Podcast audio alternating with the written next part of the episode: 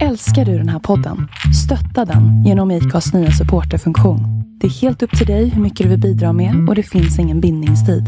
Klicka på länken i poddbeskrivningen för att visa din uppskattning och stötta podden.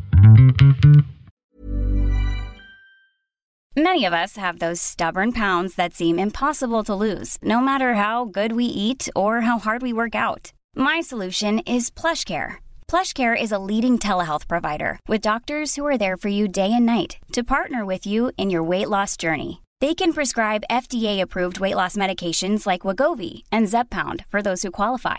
Plus, they accept most insurance plans. To get started, visit plushcare.com slash weight loss. That's plushcare.com slash weight loss.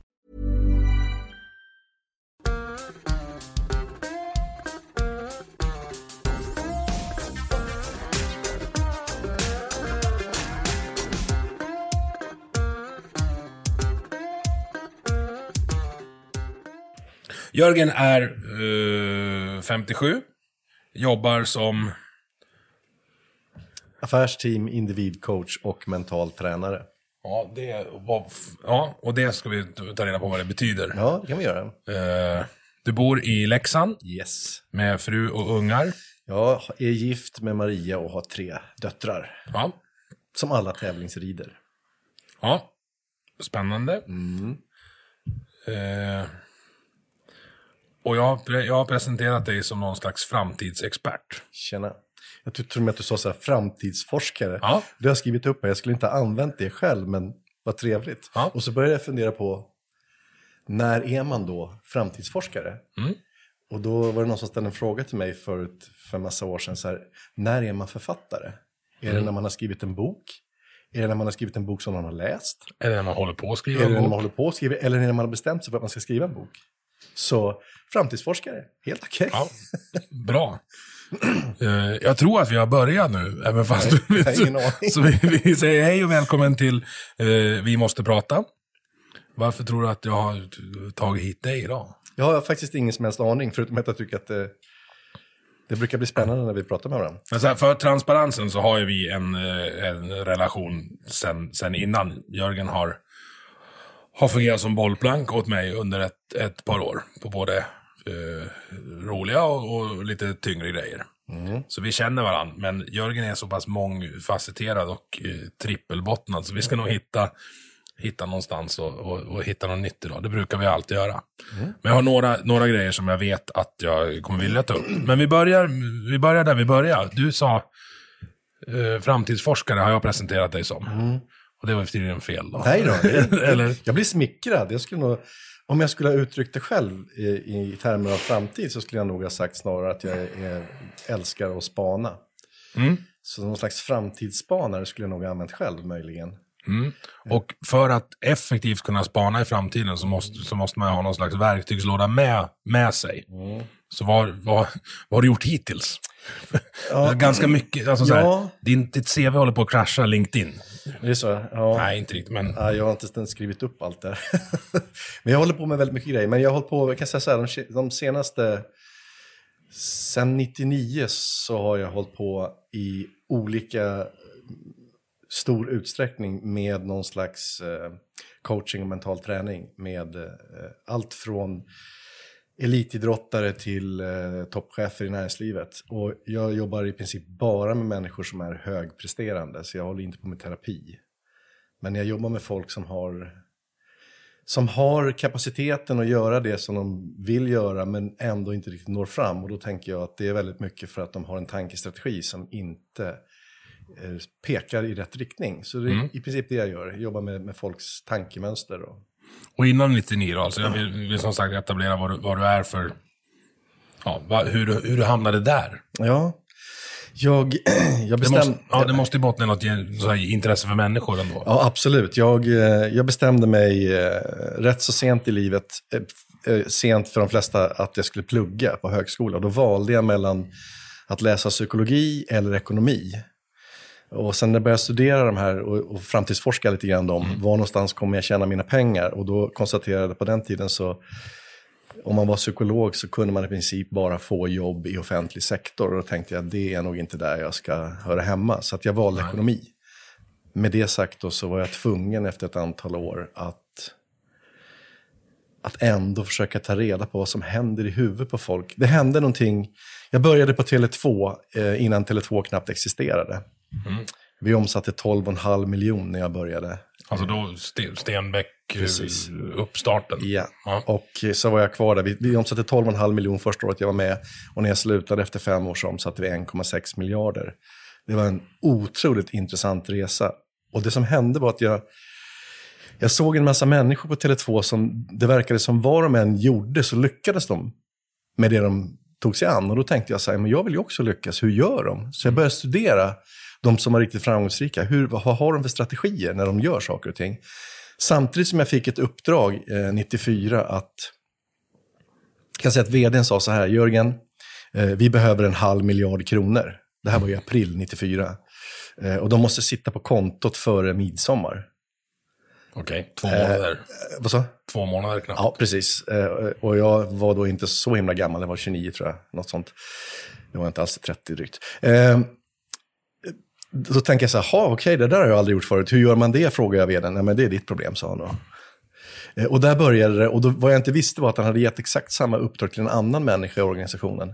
Utan att tala om för någon av oss att vi hade fått uppdraget båda två. Så vi var två stycken testosteronstinna hannar som började bråka med varandra. Och då funderade jag på, vad är det som gör att vissa människor, eh, jag jobbar så extremt bra med vissa människor och med andra är jag som hund och katt. Så ni visste inte att ni tävlar mot varandra, Nej. men era försök att uppfylla det här halvmiljardmålet gjorde att ni krockade. Ja, alltså vi var ju tvungna att, och det visste ju vdn, vi var ju tvungna vid någon tidpunkt att prata med varandra för vi, kom, vi behövde hjälp. Han var jurist och jag var ekonom då.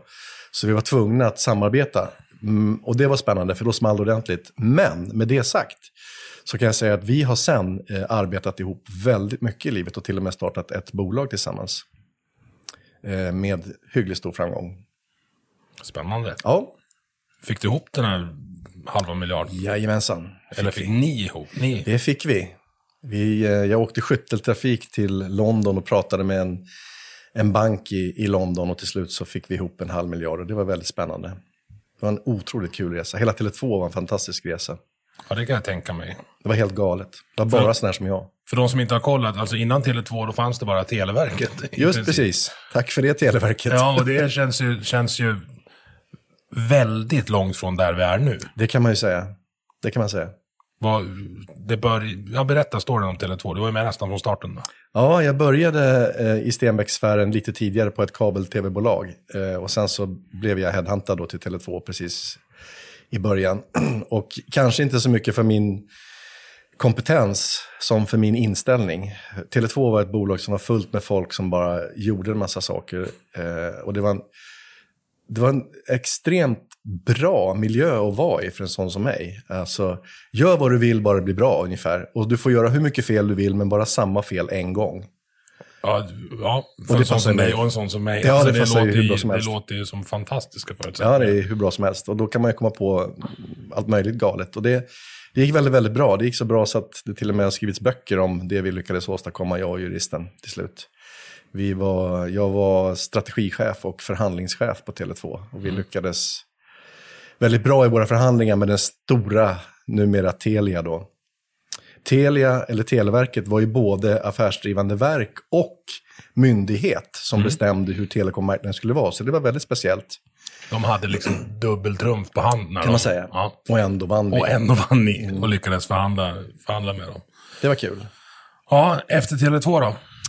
Då eh, så satte jag igång och eh, slängde mig in i internetbranschen. Och Och var, fick, var är vi? då är vi i slutet 90-tal är vi nu. Ja. 98 Så, in, så internet fanns? Ja, oh ja, eh, oh ja, det fanns. Ja. Eh, Det fanns hemsidor och saker. Men vi, jag var med, vår största konkurrent hette då Framtidsfabriken och jag jobbade på ett bolag som hette Ikon Media Lab. Och var nordisk, nordisk affärsområdeschef, så jag ansvarade för, för Norden. Eh, Och det var också sjukt roligt. Och, och vi var ute och letade efter småbolag som vi kunde köpa upp. Och, ja, det var en fantastisk resa. Slutade med att vi börsnoterade Ikon och sen gick det åt helvete.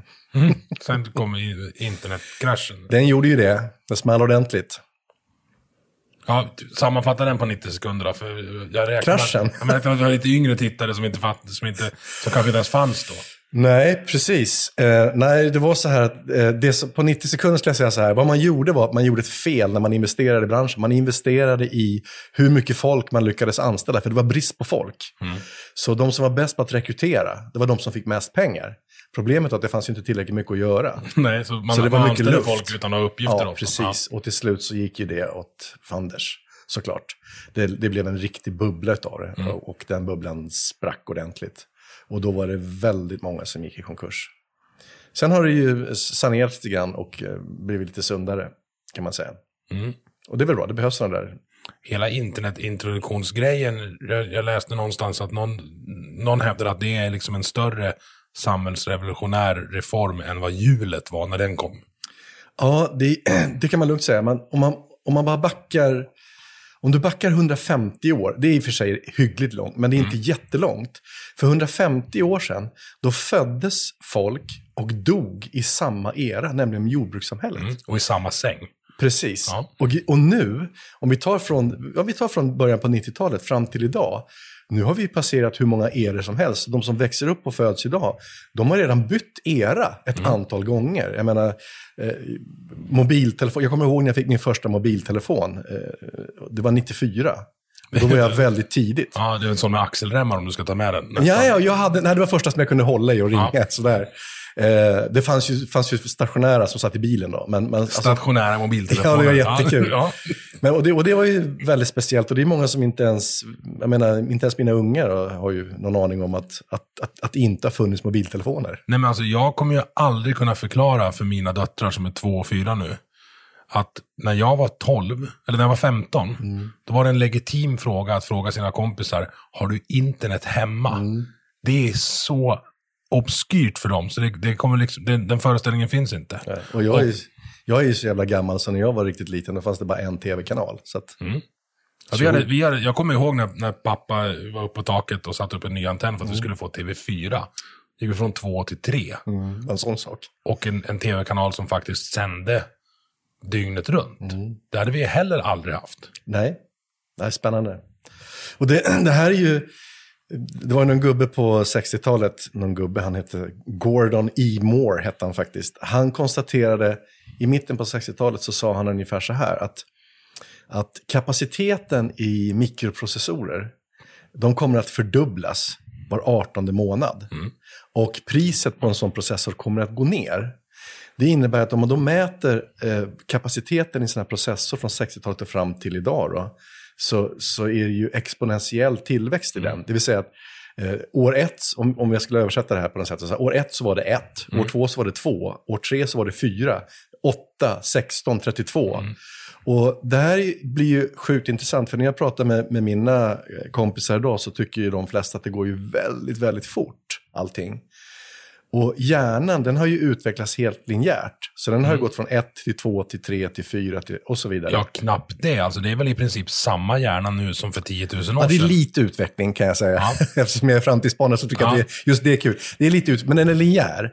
Och det som är grejen nu, det är det att om, om all datorkapacitet fördubblas varje år, om jag skulle ta 30 steg då.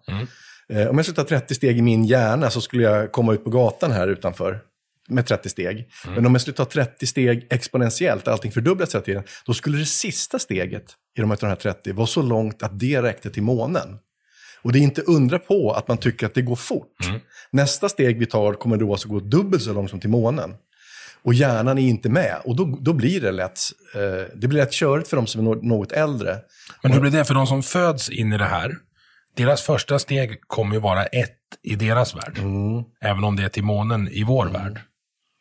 Jag tänker, Kommer hjärnan klara av det? Ja, jag vet faktiskt inte. Och jag, jag har ingen aning om, om om det har med saken att göra. Men jag kan ju tänka mig att den här stressen som uppstår i samhället och framförallt bland yngre människor handlar till dels om det. Att man inte riktigt känner att man hinner med. Och de tänker jag ändå är mer bättre rustade än vad en sån som jag är. Som liksom är egentligen IT-invandrare. Eh, Det finns en gubbe som heter Niklas Negroponte som konstaterar att alla som är för, födda före 1969, de är IT-invandrare. Det är så lika svårt för oss att förstå IT som det skulle vara för någon som kom utifrån och försöka lära sig svenska. Eh, Men, men mina barn, de är ju födda i det här. Så de har det ju med sig. De kan inte riktigt förstå att det är så knepigt som jag tycker att det kan vara ibland. Men jag läser böcker. Mm. Oändligt mycket böcker. Nej. Eh, nej, nej. Jag fick en fråga häromdagen faktiskt. Hur många, böcker, hur många faktaböcker läser du på ett år? Så jag var tvungen att sätta mig ner och räkna. Mm. Det är någonstans, någonstans mellan 20 och 40 faktaböcker per år. Eh, och så tog jag reda på de som läser, de som är riktigt, riktigt framgångsrika, de läser 60 ungefär. Så att jag har några kvar att läsa då per år. Så att jag håller på att speeda upp det nu. Gills ljudböcker eller är jag körd? Ja, alltså det där är en samvetsfråga. Personligen så har jag kommit till den insikten att jag tänker att ljudböcker är definitivt giltigt. Det är ju bätdet än inte. Alltså jag, jag har jättesvårt att sätta mig ner och Mm. fokusera för att läsa alltså en sån här bok på två veckor. Går inte. Nej, jag förstår det. Eh, det är till och med så att du sannolikt kör på dubbelhastighet eller något också när du Nej, lyssnar. det gör jag inte. Det gör du inte, okej. för det har jag kompisar som gör. Ja.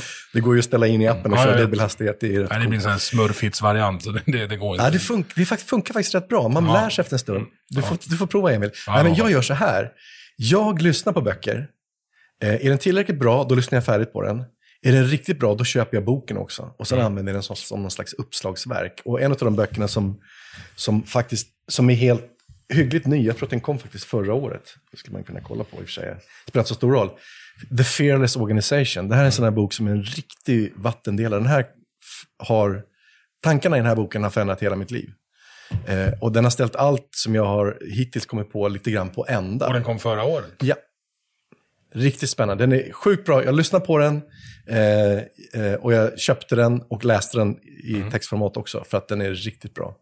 Grymt bra och den passar ihop med den passar ihop med det som jag försöker åstadkomma i mitt liv, nämligen att folk ska eh, göra saker bättre. Mm.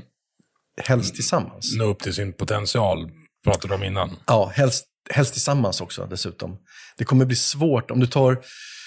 Jag spelar ju musik, jag har gjort det hela mitt liv. Och, Du är rockstjärna. Ja, nåja, hallå. har vi också skrivit med.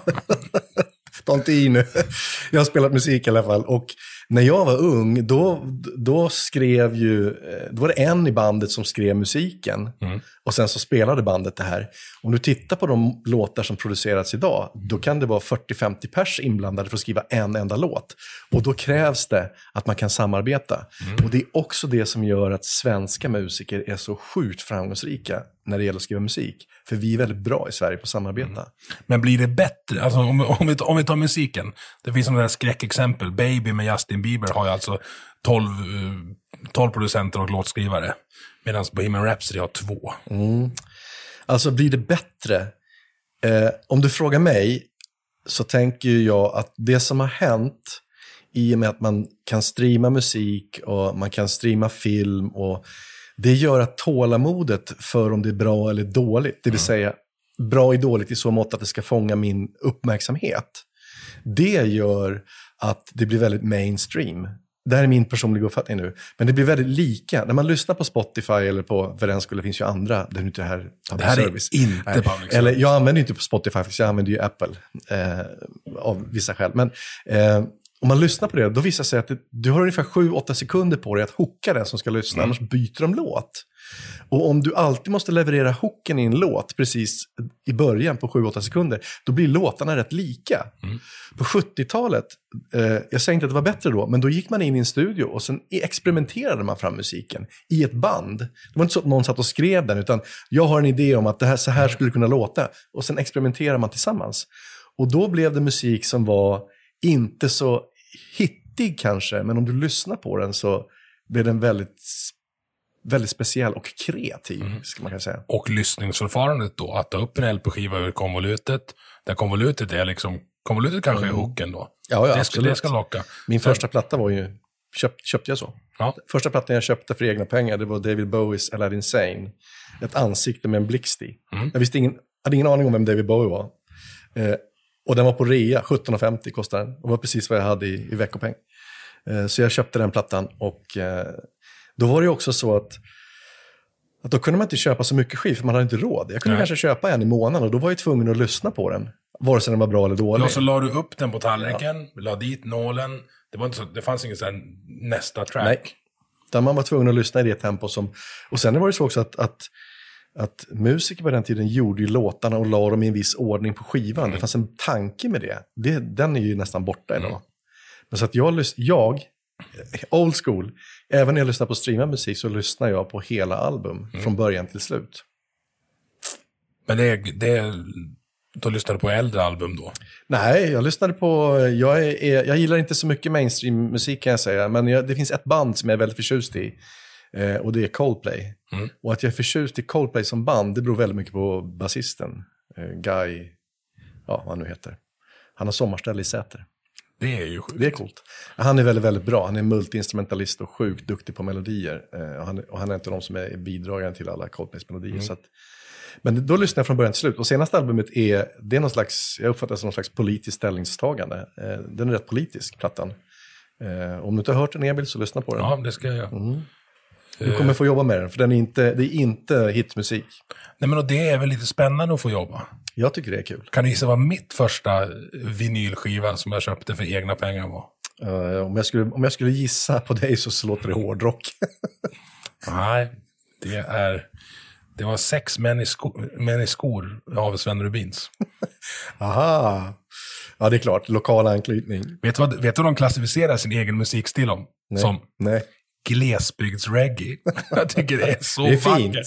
Så Det är fint. och där pratar vi om, om album. Mm. Uppbyggt i, i ordning och med, med liksom... Ja, Mm. underskattade. Mycket underskattade. Den, Ja, jag andra, den andra var ju eh, Stor, stark och vacker med Kenneth Knutters. Okej, jag trodde hårdrock. Jag hade rätt fel Ja, nej, jag var, var, eh, ja, lite, lite Guns N' Roses kanske. Jag, var ganska, jag har varit ganska sen i att upptäcka, upptäcka musik överhuvudtaget. Jag Mm. hittar musik nu. Jag är inne i någon sån här Led Zeppelin-period nu. Okej. Och det är så jävla bra. Det är det- inte helt okomplicerad musik heller. Nej, jag är inte helt okomplicerad. Säger du? Eh, vilket vi ska, vilket vi, vi, ja vi kan gå vidare med det. Nu har vi, nu har vi berättat att du är rockstjärna. Mhm. Jag har massa punkter här som, som jag vill att vi ska ta upp, men vi kan börja med att prata IQ, för det vet jag, det tycker vi om att prata om. I varje fall jag.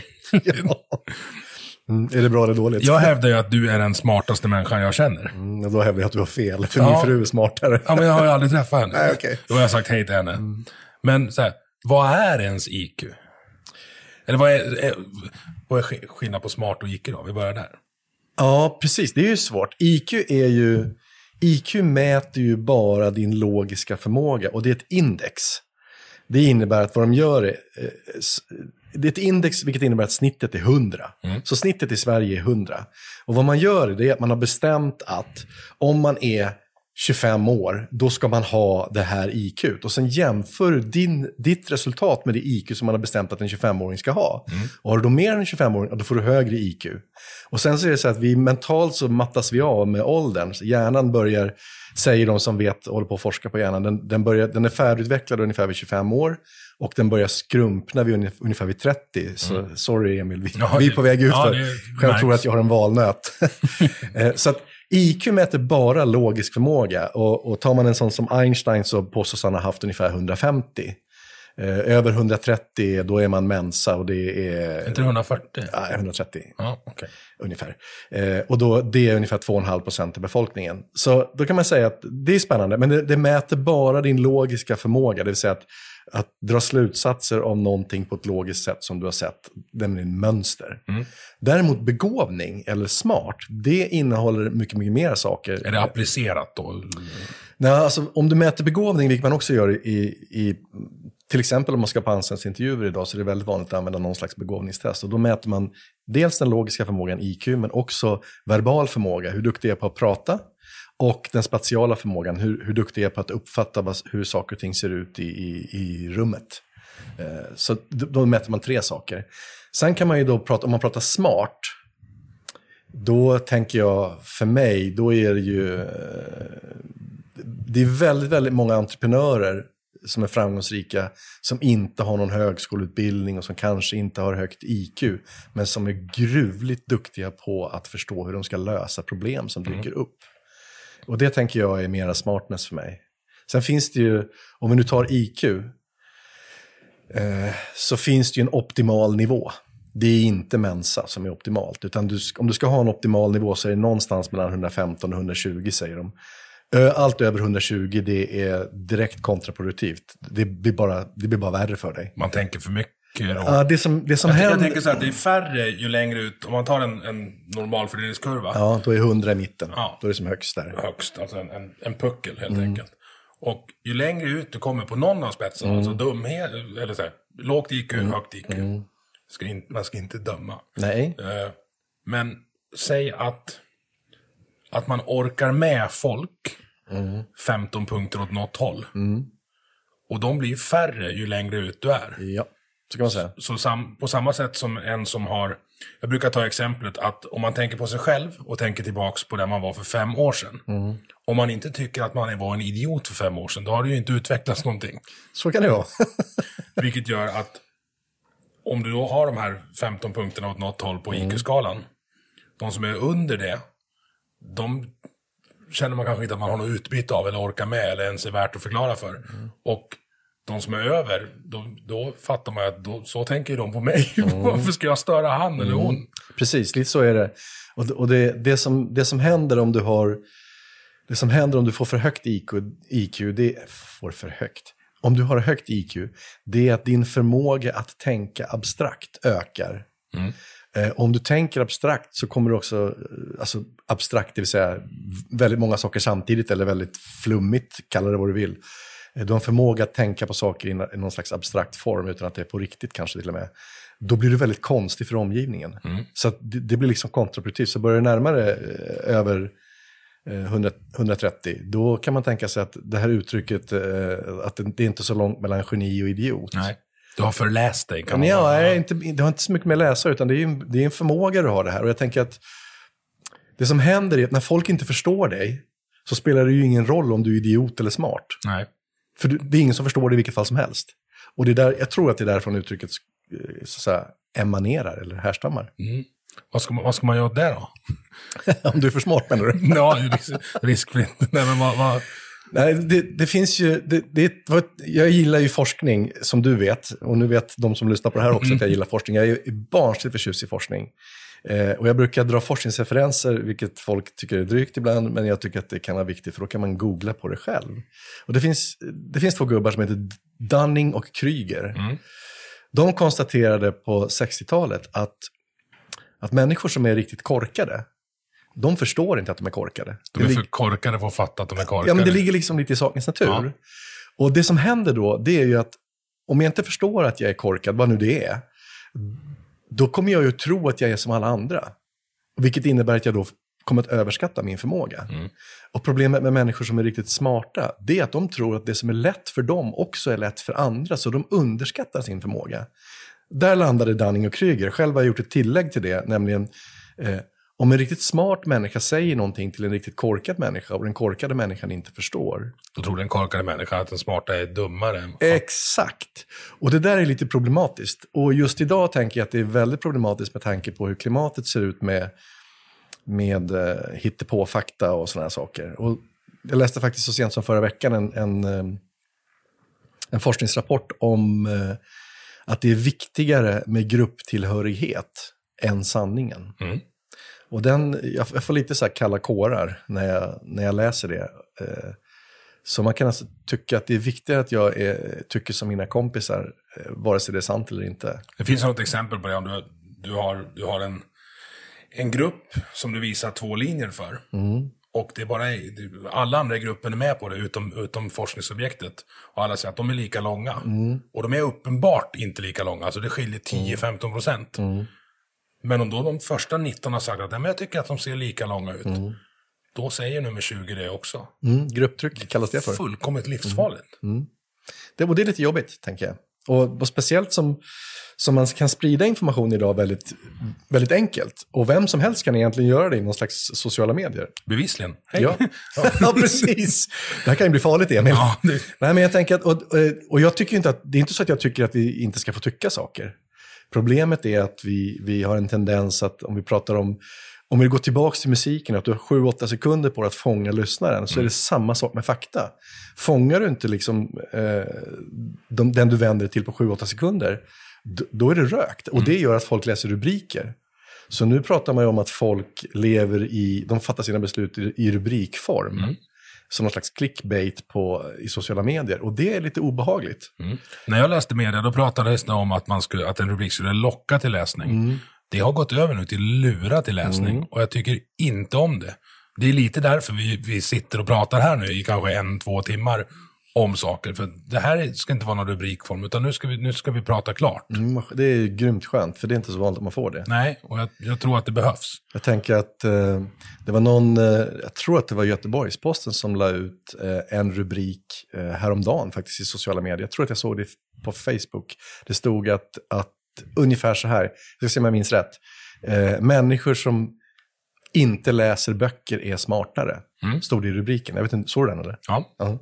Eh, och det roliga är att, att det var ju väldigt många som hade delat just den här. Sådana som inte läser böcker. Mm. Mm. Men om du läste artikeln så, så var artikeln handlade om precis rakt motsatta. Mm. Vilket är spännande. Så man, man, man tänker sig, wow, men jag läser inte så mycket böcker, men då delar jag den här.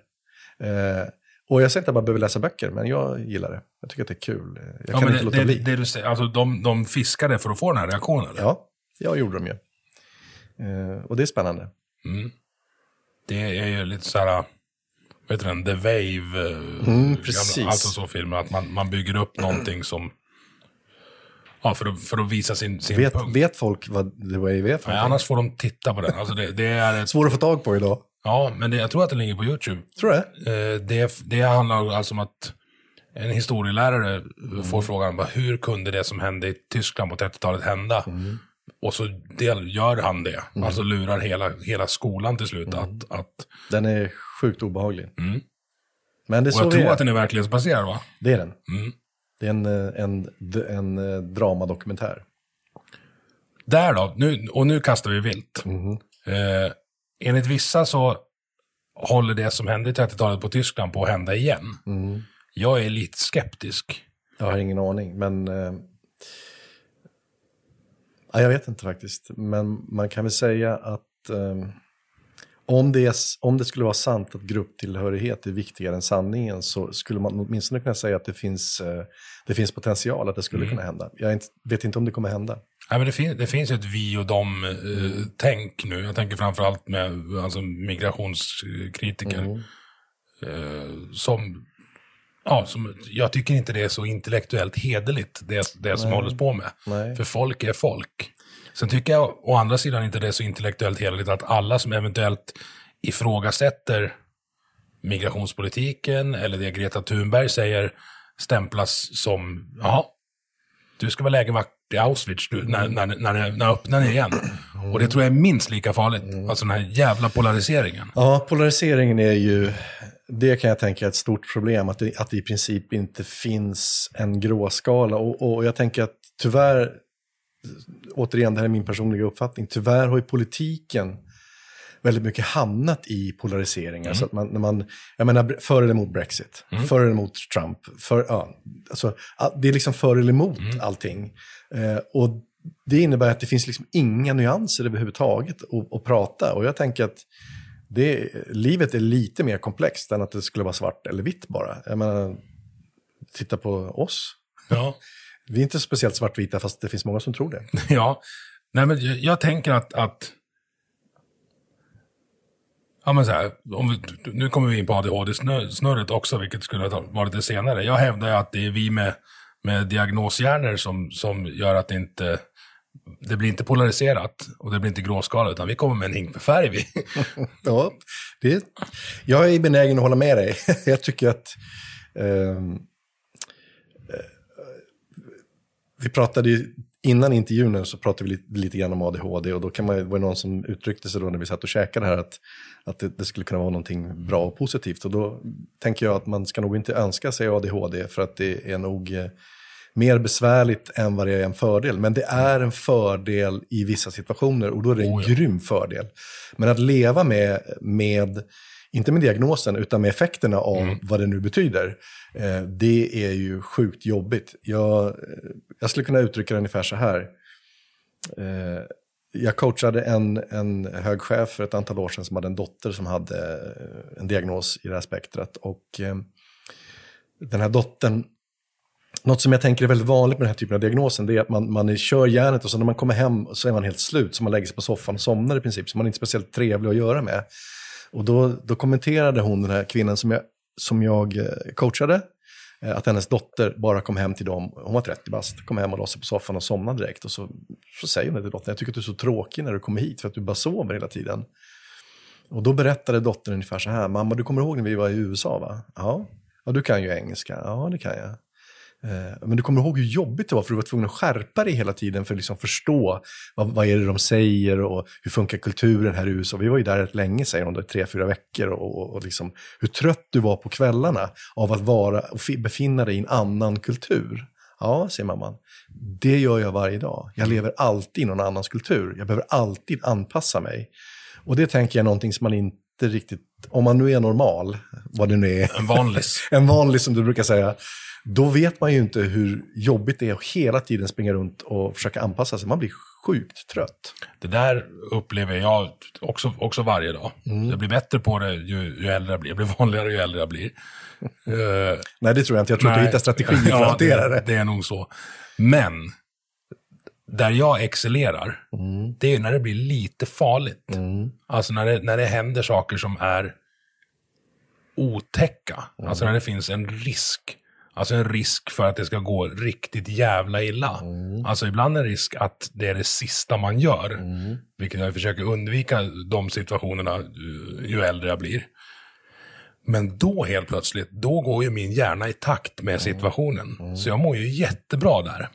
Det. Vilket i sin tur, och nu får du rätta mig om jag har fel, men jag tolkar det som att ibland kan jag driva situationer mot att det ska bli så. För att, för att där mår jag, alltså mår bättre, är inte det, det är kausala, utan det, jag funkar ju bättre, vilket gör att jag mår bättre.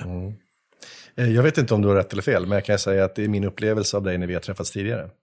Ja, utveckla. Nej, men att du driver frågan till sin spets. För Det är ju så här också, ska man hålla på... Det, det, är, det är jävligt drygt att prata med människor som du som har en, en, eh, har en diagnos och dessutom är begåvad. Eh, För det går väldigt, väldigt fort. Eh, Och då, är- då vill det till att man är extra mycket på tå. Och jag tänker, åtminstone när vi träffas, så är min upplevelse att, eh, att du driver frågan så långt att jag inte riktigt ska hinna med. Nu har ju du ett problem då, för jag hinner med.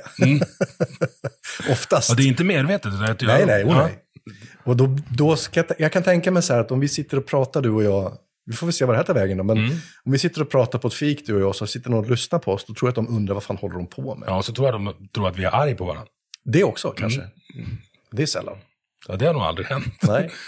Men det låter kanske. Nej men så är det. Jag har ju, jag har ju en pappa och en bror Mm. som inte är diagnostiserade, någon av dem. Men när vi sitter vid ett bord och pratar eh, med varandra, då hänger inte vanlisar med. För vi har tre eller fyra samtal igång samtidigt. Mm. Och växlar sömlöst mellan dem. Det är drygt för folk. Ja, för de andra. Mm. Men då, vi mår ju jättebra av att sitta där. Så det, det tänker jag, din utmaning är ju då, att, apropå att försöka knyta tillbaka till dem med begåvning och, och diagnoser, så det är att man, man, man får ta ansvar för det. För att det är ju en jäkla skillnad på att ha rätt och få rätt. Mm. Det där får du utveckla, för det har jag fortfarande inte fattat. Det har du Nej. sagt varje gång vi har pratat, och vi har pratat många gånger. Ja, nej, men jag tänker så här. Man kan ju ha, eh, om, jag kan använda dig som ett exempel. Då. Det är väldigt ofta som du kommer och är sjukt påläst och du fattar väldigt tidigt vad det är jag är ute och far efter. Och du har sannolikt också rätt. Problemet är att det sättet som du framför saker på gör att, inte jag, men väldigt många får ett motstånd. Och de ger dig inte rätt bara för att du beter dig på ett sätt som till exempel låter arg. De flesta människor blir rädda för folk som låter arga. De tycker att det är obehagligt. Och då spelar det ingen roll hur rätt du har, för de kommer inte ge dig rätt därför att de är rädda. Och det tänker jag är en sån här strategi som man behöver lära sig. Att man behöver, man behöver ta ansvar för situationen som man hamnar i. Om man har rätt och vill att det ska ske någonting och det ska gå i en speciell riktning, då behöver jag backa tillbaka och liksom försöka få, inte skrämma folk. Eh, Och det är ett problem som vi delar, kan man Och säga. Ibland funkar det att skrämma folk också. För att, det är kortsiktigt. Mm, kanske. Jaga fart på dem. Ja, jag tänker att... Jag, jag, jag, jag tänker osökt på de hockeytränarna som har fått sparken i NHL nu. Ja. Som kör väldigt mycket med skrämselpropaganda. Eh, och jag tänker ju att vad är det som gör att ett litet plutteland som Sverige är så sjukt bra i hockey? Eh, vi, om vi jämför antal utövare i Sverige med antal utövare i USA så är det en, en piss i Oh ja. Mississippi. Vad är det som gör att svenska lag då ändå kan vinna VM-guld eller vinna OS? Vad är det som i gör att vi har, efter kanadensare och jänkare, så har vi flest spelare i NHL? Det är intressant. Och det beror på att vi är väldigt duktiga på att samarbeta med varandra i Sverige. Vi är duktiga på, och jag skulle säga att jag kan få knottror på huden när, när hockeytränare är ute och pratar om ledarskap. Eh, därför att ledarskap, och det, det, funkar ju i vissa situationer såklart. Ledarskap i hockey, det är någonting helt annat än att leda ett forskarteam. Mm. Eh, och man kan säga så, om man, om man skulle sätta saker på någon slags skala, kan man tänka sig att ju mindre komplex en uppgift är, eh, det vill säga om vi ska gräva dike tillsammans, tio stycken, det är inte speciellt svårt. Det ska gå därifrån till dit, det ska vara en meter djup och en meter brett. Eh, och så bara sätter vi igång och vi får varsin spade och så gräver vi. Eh, det krävs inte speciellt mycket samarbete för att, för att komplexiteten i uppgiften är rätt låg. Ska du spela hockey, då är det lite svårare. Mm. Jag säger nu inte att det är okomplicerat att vara hockeyspelare, men däremot spelet i sig är inte jättesvårt att förstå. Alltså, du ska ju mål där borta och ja. här borta. Så. så det, det finns tre linjer att förhålla sig till. Lite så. Däremot är det svårt att vara hockeyspelare, mm. att, att stå på skridskor och sådär. Eh, men, men själva uppgiften som lag är inte så svår. Du förstår att där borta ska bli mål, mm. här borta ska vi försvara. Eh, jag förenklar nu naturligtvis. Eh, jag får väl någon hockeyspelare på mig här. Jag ska gå på hockey i eftermiddag för övrigt. Ja, vi ska gå på hockey. Eh, precis. Eh, och då tänker jag så här, då krävs det lite mer än att gräva dike. Men det är inte samma höjd i ledarskapet som det krävs eh, när man ska driva ett forskarteam. Mm. För ett forskarteam, om, vi, om du och jag skulle titta på ett forskarteam, vi, vi, vi hör inte vad de säger, utan vi får titta genom ett fönster och så ska de, de ska lösa en, en forskningsuppgift. Då kommer inte vi kunna se vem det är som är ledare. Nej. Därför att ju, ju mer komplex uppgift det är, desto större synergi eller samarbetsförmåga krävs det i gruppen och desto mindre auktoritärt ledarskap fungerar. Mm. Så ju mer auktoritär du är, desto svårare kommer du få att lösa komplexa problem. Och det är också skälet till att vissa länder i världen är väldigt duktiga på forskning och andra inte är det. Mm. Och det är kulturella skillnader. Eh, jag ska inte nämna några länder, men det finns ju länder som har väldigt auktoritär ledarstil i landet. Där man till exempel, där det är helt naturligt att, att makt fördelas ojämlikt de länderna har mindre, mindre bra forskningsresultat än de länderna där man inte accepterar att makt fördelas ojämlikt. Om jag, Sverige ut, om jag utmanar lite då, mm. så slänger jag Japan på dig. Mm. Som är kanske den, en av de mest hierarkiska kulturerna vi har på den här planeten. Mm. Och ändå rätt bra på att få fram forskare. Inte helt säker på att de är så hierarkiska som du tror om du jämför med... Nu vill inte jag nämna några länder, men Nej, jag får väl göra det då. Till vänster om Japan så är det ett stort jävla land. till exempel, ja. ja. Där är det ju ännu mer hierarkiskt. Jag, jag, min uppfattning är att japaner är bättre på att samarbeta än vad eh, det där... Kineser. Ja, mm. du säger, det var du som sa det. Eller... Ryssar. Det var du som sa det. Ja, ja. Mm. Eh, och, och, jag tänker att för i Japan så har man lagt sig i vind om att samarbeta med varandra. Det är till exempel, och det är mycket det den här boken handlar om, mm. psykologisk säkerhet. I Japan är det helt okej okay för vem som helst i arbetsteamet att säga, men vänta, det här funkar inte. Kaizen Competition, eh, Precis. Toyotas... Eh, Exakt. Så du... säga, Toyotas medbestämmande eller förslagslådepolicy. Den, ja, berätta om den så slipper folk stänga av och googla. ja, nej men alltså äh, äh, ständig förbättring eller Kaizen då, det projektet som man införde. Det ingår i uppdraget att komma med förbättringsförslag. Ja, och om man tar Toyota som införde det här. Idén kommer ju egentligen från USA, från, från, äh, från textilindustrin. Men man lyckades inte implementera den där, medan Toyota, som då ägde, ägde Toyota, det där var fiffigt, tänkte han. Jag tar hit de amerikanska forskarna så får de göra det hos oss. Mm. Och det handlar om att om du upptäcker att det är ett fel i produktionen, så är det så här, i bilindustrin så vet man att det dyraste som finns det är att stanna det löpande bandet, för då kommer det inte ut några bilar i andra änden. Mm. Eh, vad Toyota förstod var att det är ännu dyrare att inte stanna det om det finns fel i processen. Vilket, vilket gjorde att man sa till medarbetarna, ni får komma med förbättringsförslag, ni får dra i ett snöre så att det mm. stannar. Snöre ni, finns, ni ska. Precis, och det finns fortfarande kvar fiktivt det här snöret, du kan dra i ett snöre. Eh, så då stannar man processen och sa, men det vore bättre om vi gjorde så här. Det gjorde att Toyota hade 18 förbättringsförslag per medarbetare och år när de var som bäst amerikansk bilindustri hade 0,8 förbättringsförslag mm. per medarbetare. Och, och Toyota har, anställer en miljon människor. Liksom. Typ. Ja. Nu, nu har ju Toyota gått lite ut för Toyota på sista tiden, så de får väl rycka upp sig lite då. Men, mm. men jag tänker att när de, när de stod på topp, då var det är min tro att det var det som var skillnaden mellan all annan bilindustri. Att man faktiskt tillät folk att, att ha synpunkter. Och man arbetade tillsammans, man gjorde det bättre för alla. Sen är det ju så att menar, man kan tycka att det är hierarkiskt eh, i Japan såklart. Eh, Men eh, jag tänker att samarbetsförmågan är det som, som det handlar om. Och det, som sagt, jag säger det igen, den här boken, Mm. den är, har ni inte läst den, läs den. Den går säkert att lyssna på också.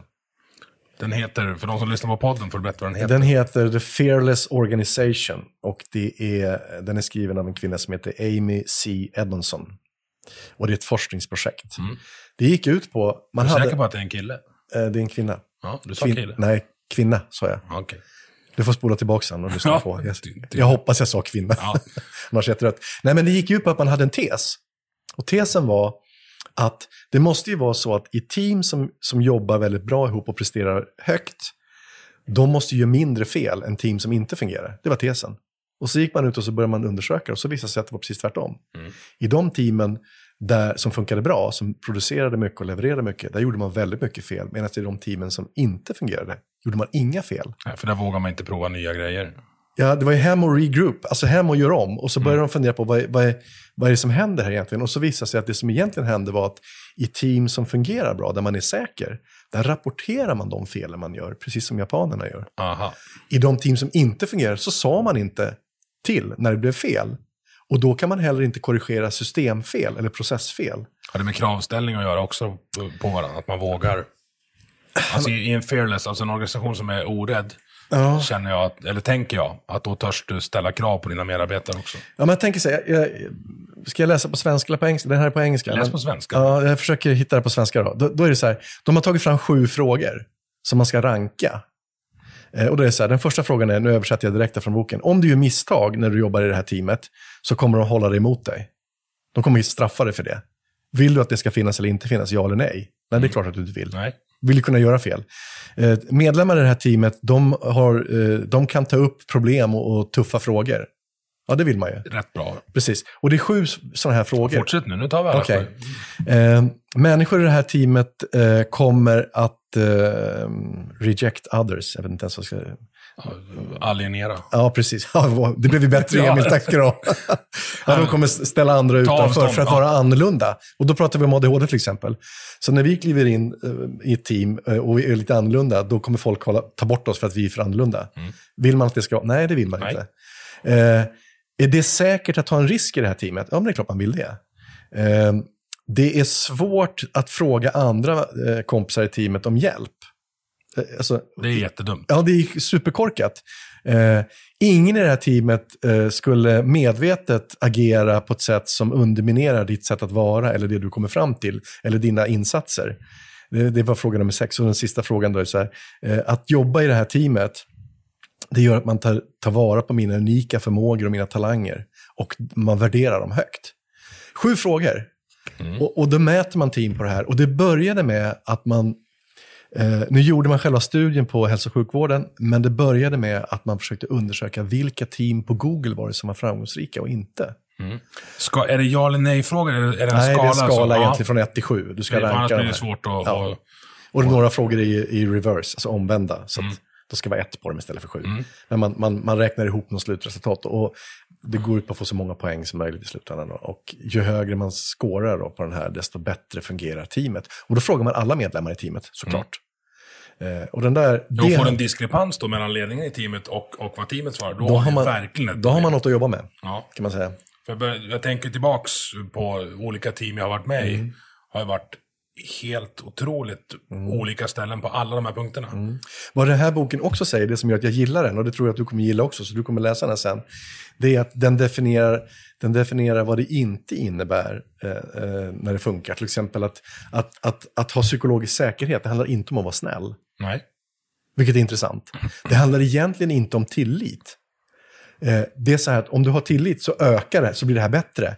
Men det är inte det som avgör, utan det är att du faktiskt får vara och tycka och tänka som du vill i teamet.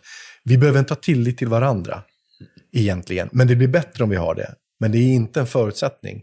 Så du kan sitta i ett team där folk faktiskt tycker illa om varandra så länge som de bara tillåter att alla tycker och tänker som de gör. Då händer det grejer. Intressant. Tillit ökar naturligtvis det här, men det är inte en förutsättning. Sjukt spännande bok. Vi fortsätter att prata om eh, hur man jobbar ihop. Eller re- relationer är det. En, en av de grejerna som jag har lärt mig av dig, eller som jag har börjat lära mig av dig, det är rollerna i en, i en konflikt. Där du pratar om tre roller. Du pratar om en tyrann, du pratar om en medhjälpare, Ja, eller hjälpare. hjälpare och ett offer. Nu ska du få förklara det. Oj, oj. För det här är... Spetsa öronen nu. eh, Och nu kommer han rita. Så nu... Nej, det ska jag vet inte få se. Men jag kan säga så här. eh, Den här behöver ni inte hålla på att läsa. Men jag tog med mig den här därför att det här är min husgud. Eh, Jag kan säga att om ni försöker läsa en bok av Ken Wilber och gör det i sängen, då kommer ni att somna, för de är sjukt tråkiga. Ja. Men det här är, han är betraktad som en av samtidens i särklass största tänkare. Eh, och Eh, det är inte så att han har kommit på det här med, med tyrannen och hjälparen och offret. Men däremot så tar han det ett, ett steg till och tillsammans med det han säger och en, en kompis till mig i Stockholm så har vi pratat väldigt mycket om vad det här kan ta vägen någonstans. Men om man ska göra det enkelt så kan man säga att det går att googla på det här. Eh, och jag skulle gissa att man, han, han som kom på det här, han heter Karpman, han lever fortfarande, är väl typ 90 bast idag tror jag. Men han pratade om transaktionsanalys, det vill säga när du och jag håller på med varandra så betraktar han det som händer oss emellan som en transaktion. Och vi kan ta olika roller i den här transaktionen. Eh, om du till exempel, eh, då börjar man med, med eh, föräldrarrollen. Om jag hanterar dig som om jag vore förälder och så skäller jag på dig, då kommer du att hamna i barnrollen. Och beroende på hur, hur mogna vi är eller hur pigga vi är eller om vi har ätit och sovit så kommer vi att reagera lite olika. Antingen säger man ja pappa och sen så gör man som pappa säger, men oftast gör åtminstone vi det precis tvärtom. Vi blir, vi blir rebeller och obstinata. Så om någon använder föräldrarollen på sådana som oss, då kommer de få ett barn-jag tillbaka som bara blir rebelliskt och obstinat. Treåringstrots i en 40-åring. Lite så. Min fru brukar fråga mig, vem är det som är fyra nu? Är det du eller, eller vår dotter? Eh, det ligger något i det. Och sen har du den rollen som man strävar efter, den kallas för vuxen-jag, eller vuxenroll. Och det är den som resonerar där vi är på lika nivå, även med sitt barn. Så det har ingenting egentligen med om man är barn eller inte, det är bara ett förhållningssätt. Karpman tog det här och placerade ut det och kallade det för, tror han kallade det för um, persecutor, alltså förföljare, eller mobbare. Eh, han sa att det fanns en som hette rescuer, den som skulle rädda. Eh, och, eh, och sen sa han att det fanns ett offer. Jag har valt att säga att det finns ett offer, en tyrann och en hjälpare. Och om någon eh, behandlar dig, eh, om någon tyranniserar dig, då kommer de ju att vilja ställa dig i offerhörnet. Så här, jag, det är jag som bestämmer här, din jävel, passa dig noga nu. Om man då är tillräckligt stark så kommer man ju eh, tugga emot. Sen Man, går, bara- man går inte och ställer sig i det hörnet. Nej. Sen är det bara frågan om vem av oss som är mest tyrann. Eh, men, men, och det här går fort. Men måste man bli tyrann? Eh, ja, alltså om någon bemö- det, det beror ju på vem man är. Man har ju alltid en homebase som man hamnar i oftast. Och grejen är, i de här, den här triangeln då som det blir med, med, en, eh, med en tyrann eller hjälpare eller ett offer, så för er som tittade på filmen så ser ni att jag gjorde så här. Och så placerade jag ut Ja, det här på bordet. Så, så att tyrannen här, hjälparen här och offret här. Det beror på om, om det beror på vem du är, om du, om du vill stå eller inte stå i något av de här hörnen. Oftast har man en homebase, det är här jag hittar mig oftast. Och man gör det när man är i obalans. Eh, man är rädd eller man är hungrig eller man är trött eller vad det nu må vara, det som får dig att bli i obalans. Men jag skulle säga att den här triangeln bygger väldigt mycket på att du är omedveten om vad som händer eller att du är rädd för att någonting ska hända. Och det är rätt skönt för folk eh, att ha makt. Det är därför man ställer sig till randhörnet, för jag vill ha makt. Det finns också folk som står i offerhörnet hela tiden. Därför är det rätt skönt att inte ha något ansvar. För står, är du ett offer, då har du inget ansvar för någonting. Det är alltid någon annan som bråkar med dig, eller någon, något annat. Det snöade ute, eller regnade, så jag Det är någon annans fel. det är alltid någon annan eller någon annan, något annats fel. Och sen har du någon som ska kliva in och rädda situationen hela tiden. Så här, men du, om du bara gör som, som jag säger här lilla offret så ska du se att vi ska ta hand om den här tyrannen där borta. Jag ska prata med, med tyrannen. Så se. medlarroll. Lite så. Eh, Och alla de här rollerna bygger på att det finns någon slags belöning av att stå på båda att, att stå i något av de här hörnen. Eh, I offerhörnet så har jag inget ansvar. Ja, det är en belöning. Du, du, belöningen är att jag, har inget, jag behöver ta det ansvar. lugnt. Och i tyrannhörnet så är det här har jag makt, det är jag som har syre. Och i, i hjälparhörnet, det handlar om att, att jag är behövd. Det är alltid någon som kommer behöva mig. Och då kan man säga att det här är ju tre roller som är inte så trevliga någon av dem egentligen. Nej, tre nyanser av brunt. Det är bajs alltihopa. Eh, därför att att vara behövd innebär att jag kommer vara med och skapa offer, annars är jag inte behövd. Så jag kommer vara med och bidra till att offren liksom blir kvar i sin hörna. Är det alltid ett medvetet val? Eller Nej, det är ofta, väldigt ofta omedvetet. Eh, tyvärr. Så att man behöver bli medveten om att, att man kan hamna på olika ställen. Och att man hamnar där när man är trött och sliten, hungrig eller vad man nu är för någonting. Vad spännande det är när du skriver samtidigt som, Ja, som men jag jag pratar. måste anteckna vad jag ska, vad jag ska, vad jag ska Jag blir, så sjuk, jag blir så sjukt nyfiken på vad du skriver. Ja, ja, det här skulle du veta. Ja, ja. Jag fattar. Men då, då måste det finnas en, eller så här, nu vet jag att det finns ju en nivå till. Mm. För det här är ju bajsnivån. Jag tänker att Hur, lyfter vi, hur lyfter vi oss från det här? Det är så här, det- Vad, här, vad heter nivån ovanför? Och hur tar man sig dit? Okej. Om man tänker sig, eh, nu är det här ju, eh, Karpman han gav oss bara den här undertriangeln. Eh, Och sen är en kille som jag känner nere Och för där är vi i konflikt. Ja, där är vi i konflikt och vi, vi bråkar med varandra och, och det är alltid någon som är behövd och sådär. Och belöningarna är inte speciellt fiffiga, det vill säga jag har inget ansvar, jag har makt och, och jag är behövd. Så man behöver ju då, om man hittar sig själv i något av de här hörnen, då tänker jag att man behöver, man behöver skaffa sig en tanke. Och då är frågan, så jag behöver byta position, jag kan ju stå kvar i offer. Skaffa sig en tanke. Ja, det är det här som är grejen. Ja. Då måste man alltså tänka ut i förväg. För jag tänker, jag ska komma tillbaka till hur man gör det, men jag tänker så här, den stora utmaningen som vi har som människor, det är att våga känna det vi känner och ändå göra det som är rätt. Mm. Och om vi håller på och känner, då är vi redan där, alltså måste vi tänka ut i förväg. Vad ska jag göra när jag hamnar i den här situationen nästa gång? I svenska armén så pratar man om att man måste göra en plan när Mm. du är trygg, torr och mätt. Ja, det låter rimligt. För när det väl börjar flyga bly runt huvudet på dig, Mm, då är det kört. det är inte läge att tänka ut en plan, utan då ska det bara utföras enligt plan. Ja, så är Det det. där försöker jag applicera. Alltså, det är därför man har brandövning. Mm. Liksom det, och det har jag hemma med tvååringen. Hon tycker det är bra, eller? Tycker det är jättekul. Nej men så, du måste, Larmet går. Mm. som du säger, du måste planera det här innan du hamnar i bajshörnet. Precis. Och då, om man har en tendens att, hi- att hitta sig själv i offerhörnet, det vill säga det är synd om mig och jag har inget ansvar, hjälp och bö- så. För det finns ju människor som står där. Det finns människor som trivs där också. I, absolut, därför att man inte har något ansvar. Men om man nu vill vara någon och räkna med, då behöver man ju tänka någonting annat.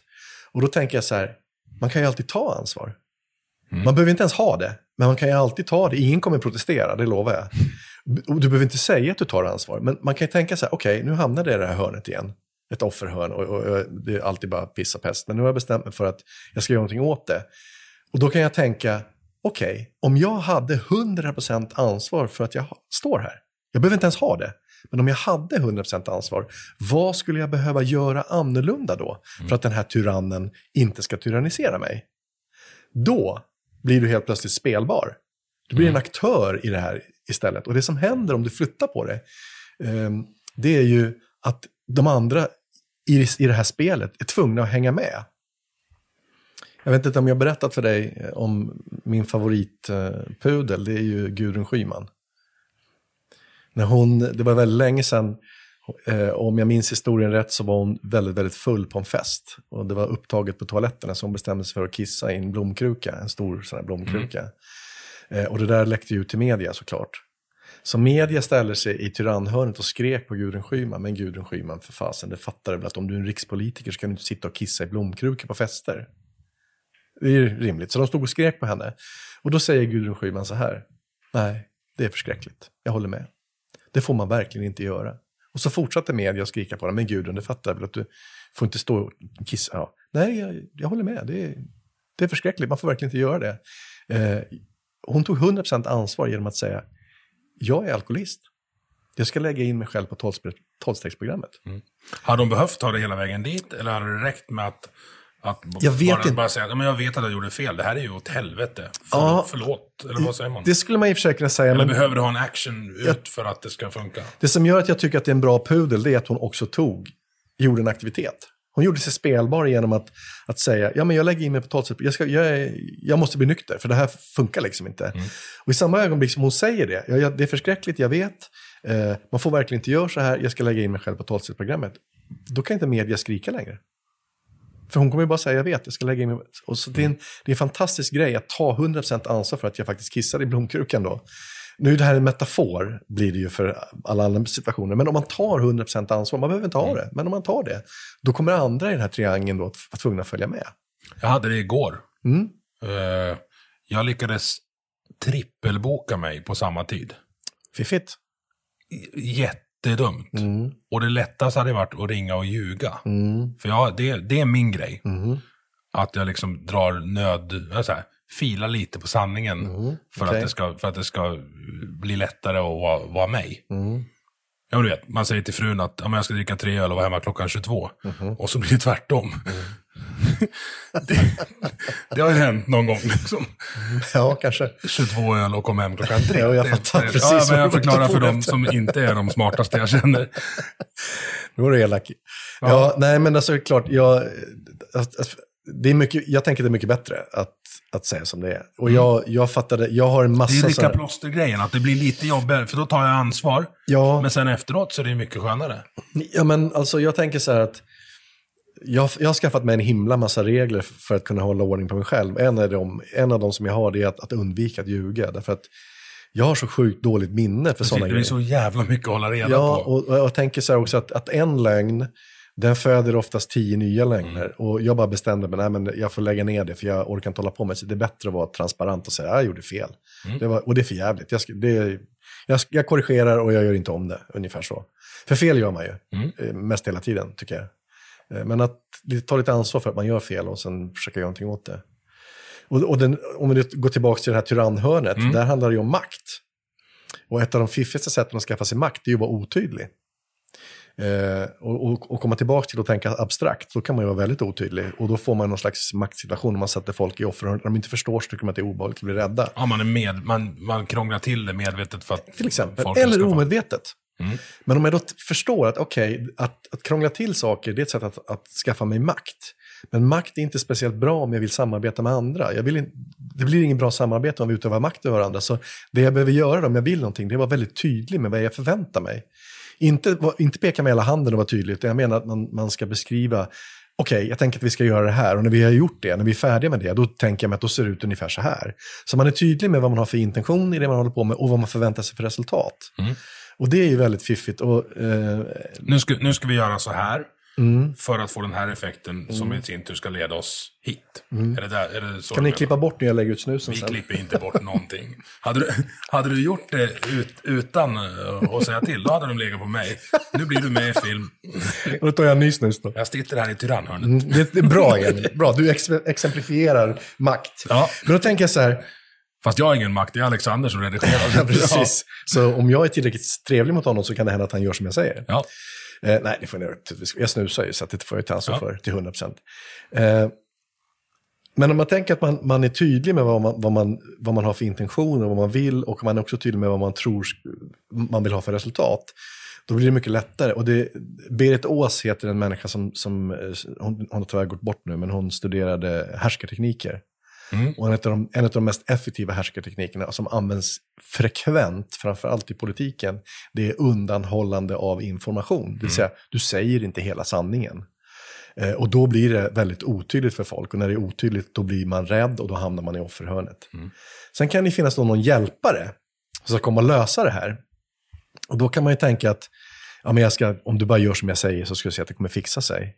Det, om man gör det med ett offer så har de inte lärt sig någonting. För det innebär i princip att man går in och löser problemet åt dem. Så det man behöver göra är när man står i hjälparhörnet, det är att bara bestämma sig för att alla människor har precis de resurser som behövs för att lösa den här situationen själva. Så det jag behöver göra är att få igång den. Och det bästa sättet att få igång någon, det är att ställa, en fråga. Att inte ge svaret på vad du ska göra, utan att ställa en fråga. Men om du, om vi då träffar på ett offer, skulle jag kunna säga så här, okej, men om du, om jag skulle ställa fråga till någon som står då skulle jag säga så här, men om du hade ansvar till 100% med den här situationen, vad skulle du göra då? Och då brukar det bli ett mothugg direkt och säga men det är inte jag som, ja, så. Men om. Mm, Men jag säger ju inte att du har det, jag säger om du hade det. Vad skulle du behöva göra då? Så det jag gör, jag talar inte om de behöver, hur de behöver lösa det, utan jag försöker få dem att själva komma på det här. Och det vet vi hur kraftfullt det är när folk själva kommer på lösningen på problem. Och då, istället för att då vara en hjälpare så blir man någon slags, lite slarvigt uttryckt, någon coach, kan man säga. Det är det som är Det är ovanför. Ja. Så du, om du flyttar från offerhörnet så blir det någon aktör eller spelbar människa. Och flyttar du från tyrannhörnet så blir det någon slags ledare. Flyttar du från, från hjälparhörnet så blir det någon slags coach. I offerhörnet handlar det om att leda sig själv. I tyrannhörnet handlar det om att leda andra. Precis, och att leda sig själv ditåt. Japp.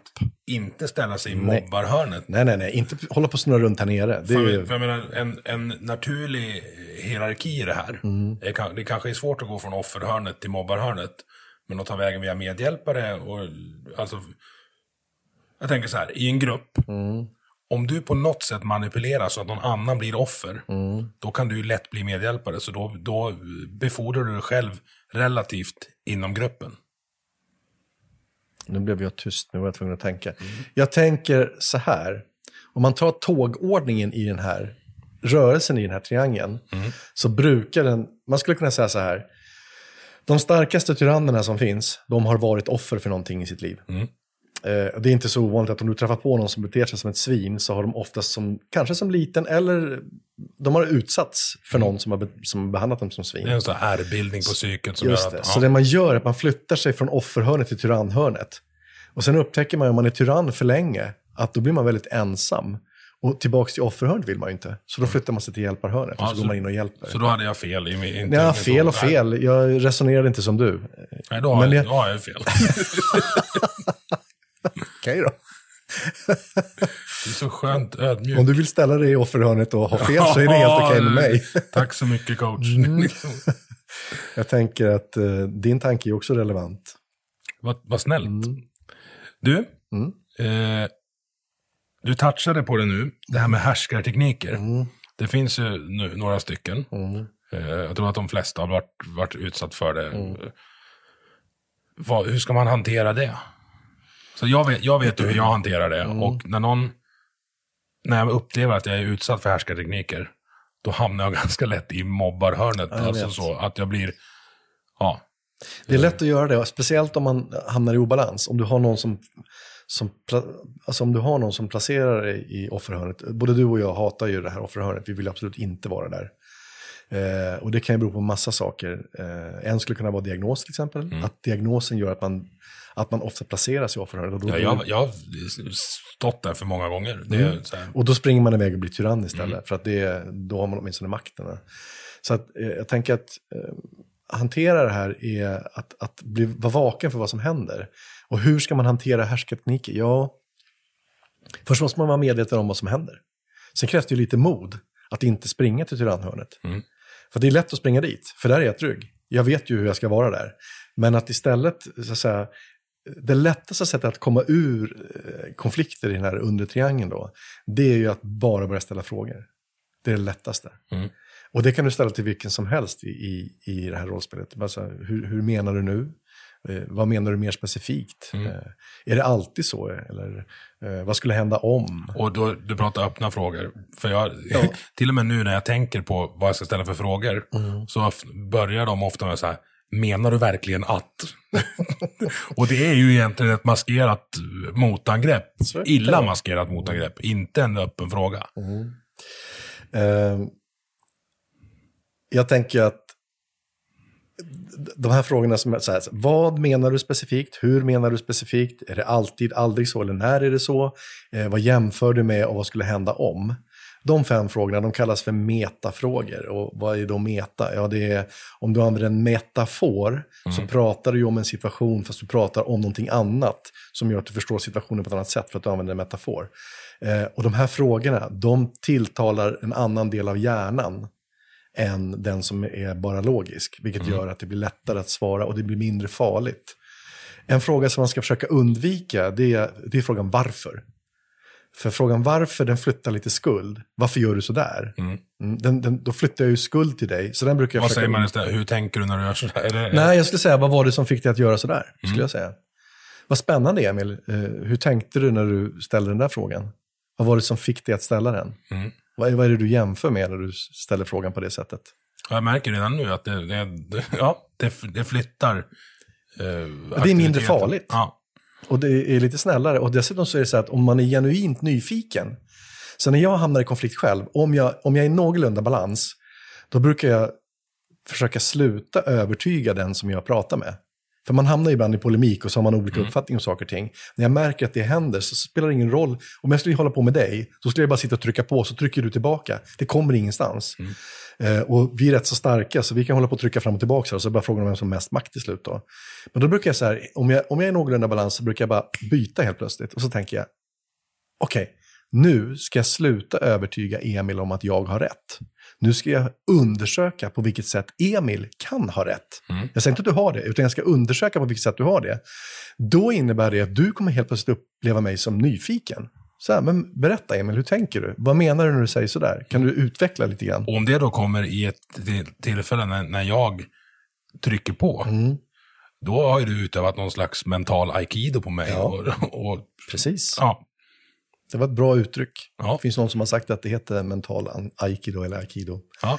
Det är att, Ja. att, säga, att flytta undan. men så här, använda motståndarens kraft Inte att till, slå till att få dem att falla. Liksom. Och det är, det är en sjukt fiffig strategi.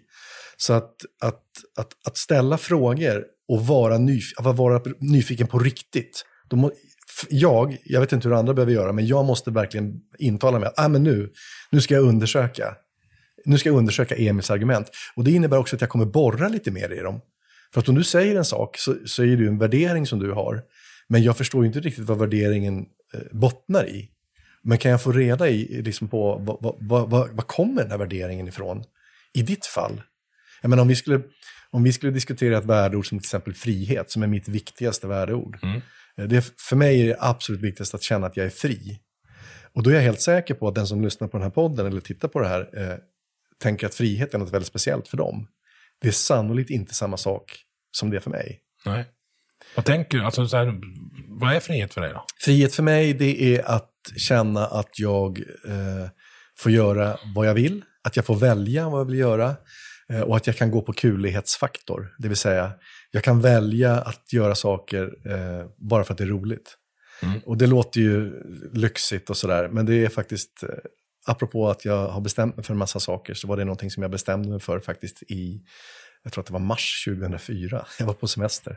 Men då hade du ändå, då var du ju någonstans i livet där du kanske hade byggt upp momentum, ekonomi, relationer så att du kunde fokusera på kulhet. För det, Ja. alltså, vem som helst kan inte bestämma sig där de är idag. Eller kan man det? Alltså, jag kan inte svara på vem, om vem som helst kan det, men jag kan berätta vad jag gjorde. Jag, drev, jag ägde och drev ett, ett eh, konsultföretag då på den tiden.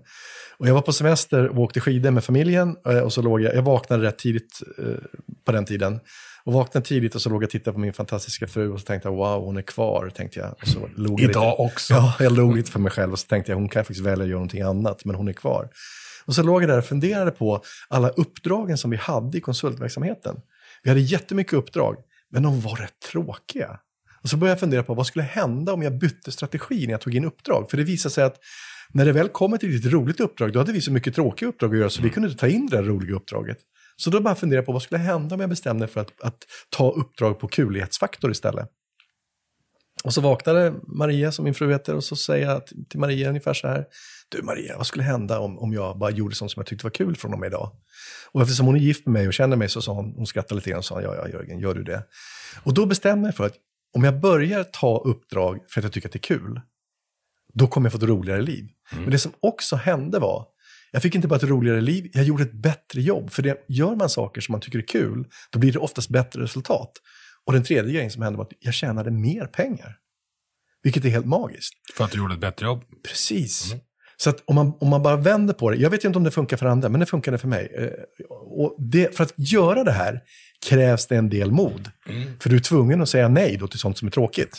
Och det, jag var naturligtvis rädd, jag var livrädd. Jag kanske inte, kanske inte kan ställa filmjölk på bordet ens en gång till frukosten. Men jag bestämde mig för att nej, jag måste prova, för att om jag inte provar då kommer jag bli tokig. Så jag provade. Och sen dess har jag haft kulighetsfaktor som en av mina grejer.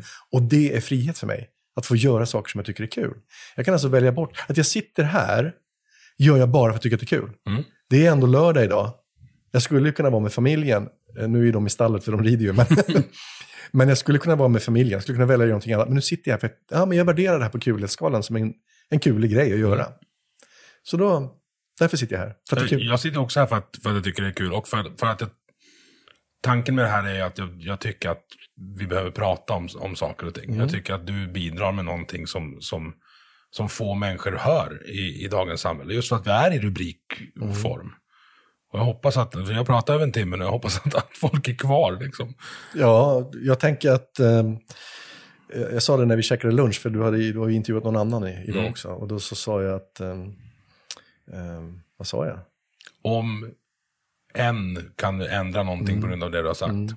alltså om du föreläser för 100 pers, ja. 20 stycken älskar det och en ändrar ett beteende, mm. då har vi liksom då har jag, nått fram. Precis, och jag tänker att det är även så här, vi, det kommer säkert vara så att, att uh, folk liksom, vad är det här för drygmuppar som mm. inte pratar, så stänger de ner och då tänker jag, ja, fel målgrupp. Vad, vad synd, ja. tänker jag. Men de som är kvar kanske har fått någonting med sig, det är ju Spännande. Ja, vi är inte klara än. Vi har, jag har jättemånga ja, punkter där. Vi har knappt touchat vid framtiden. Och nej, har vi inte. Vad, hur ser fram... Alltså du jobbar ju till viss del med någon slags kompetensförsörjningsspaning, mm. säger mm. du, istället för forskning. Mm. Jag är jättenyfiken på framtidens arbetsmarknad. Mm. Den vad, är ju... vad kan du om den? um, en del. Ja. ja, men det, det, är så här att, att man kan säga så här, eh, det finns en, en, en kille eh, som heter Arash Gillan. Han sa någonting för ett antal år sedan som jag bara tyckte så här, wow, han har tänkt. Och så snodde jag det av honom. Bra. Han sa ungefär så här, allt som kan digitaliseras, det kommer att digitaliseras.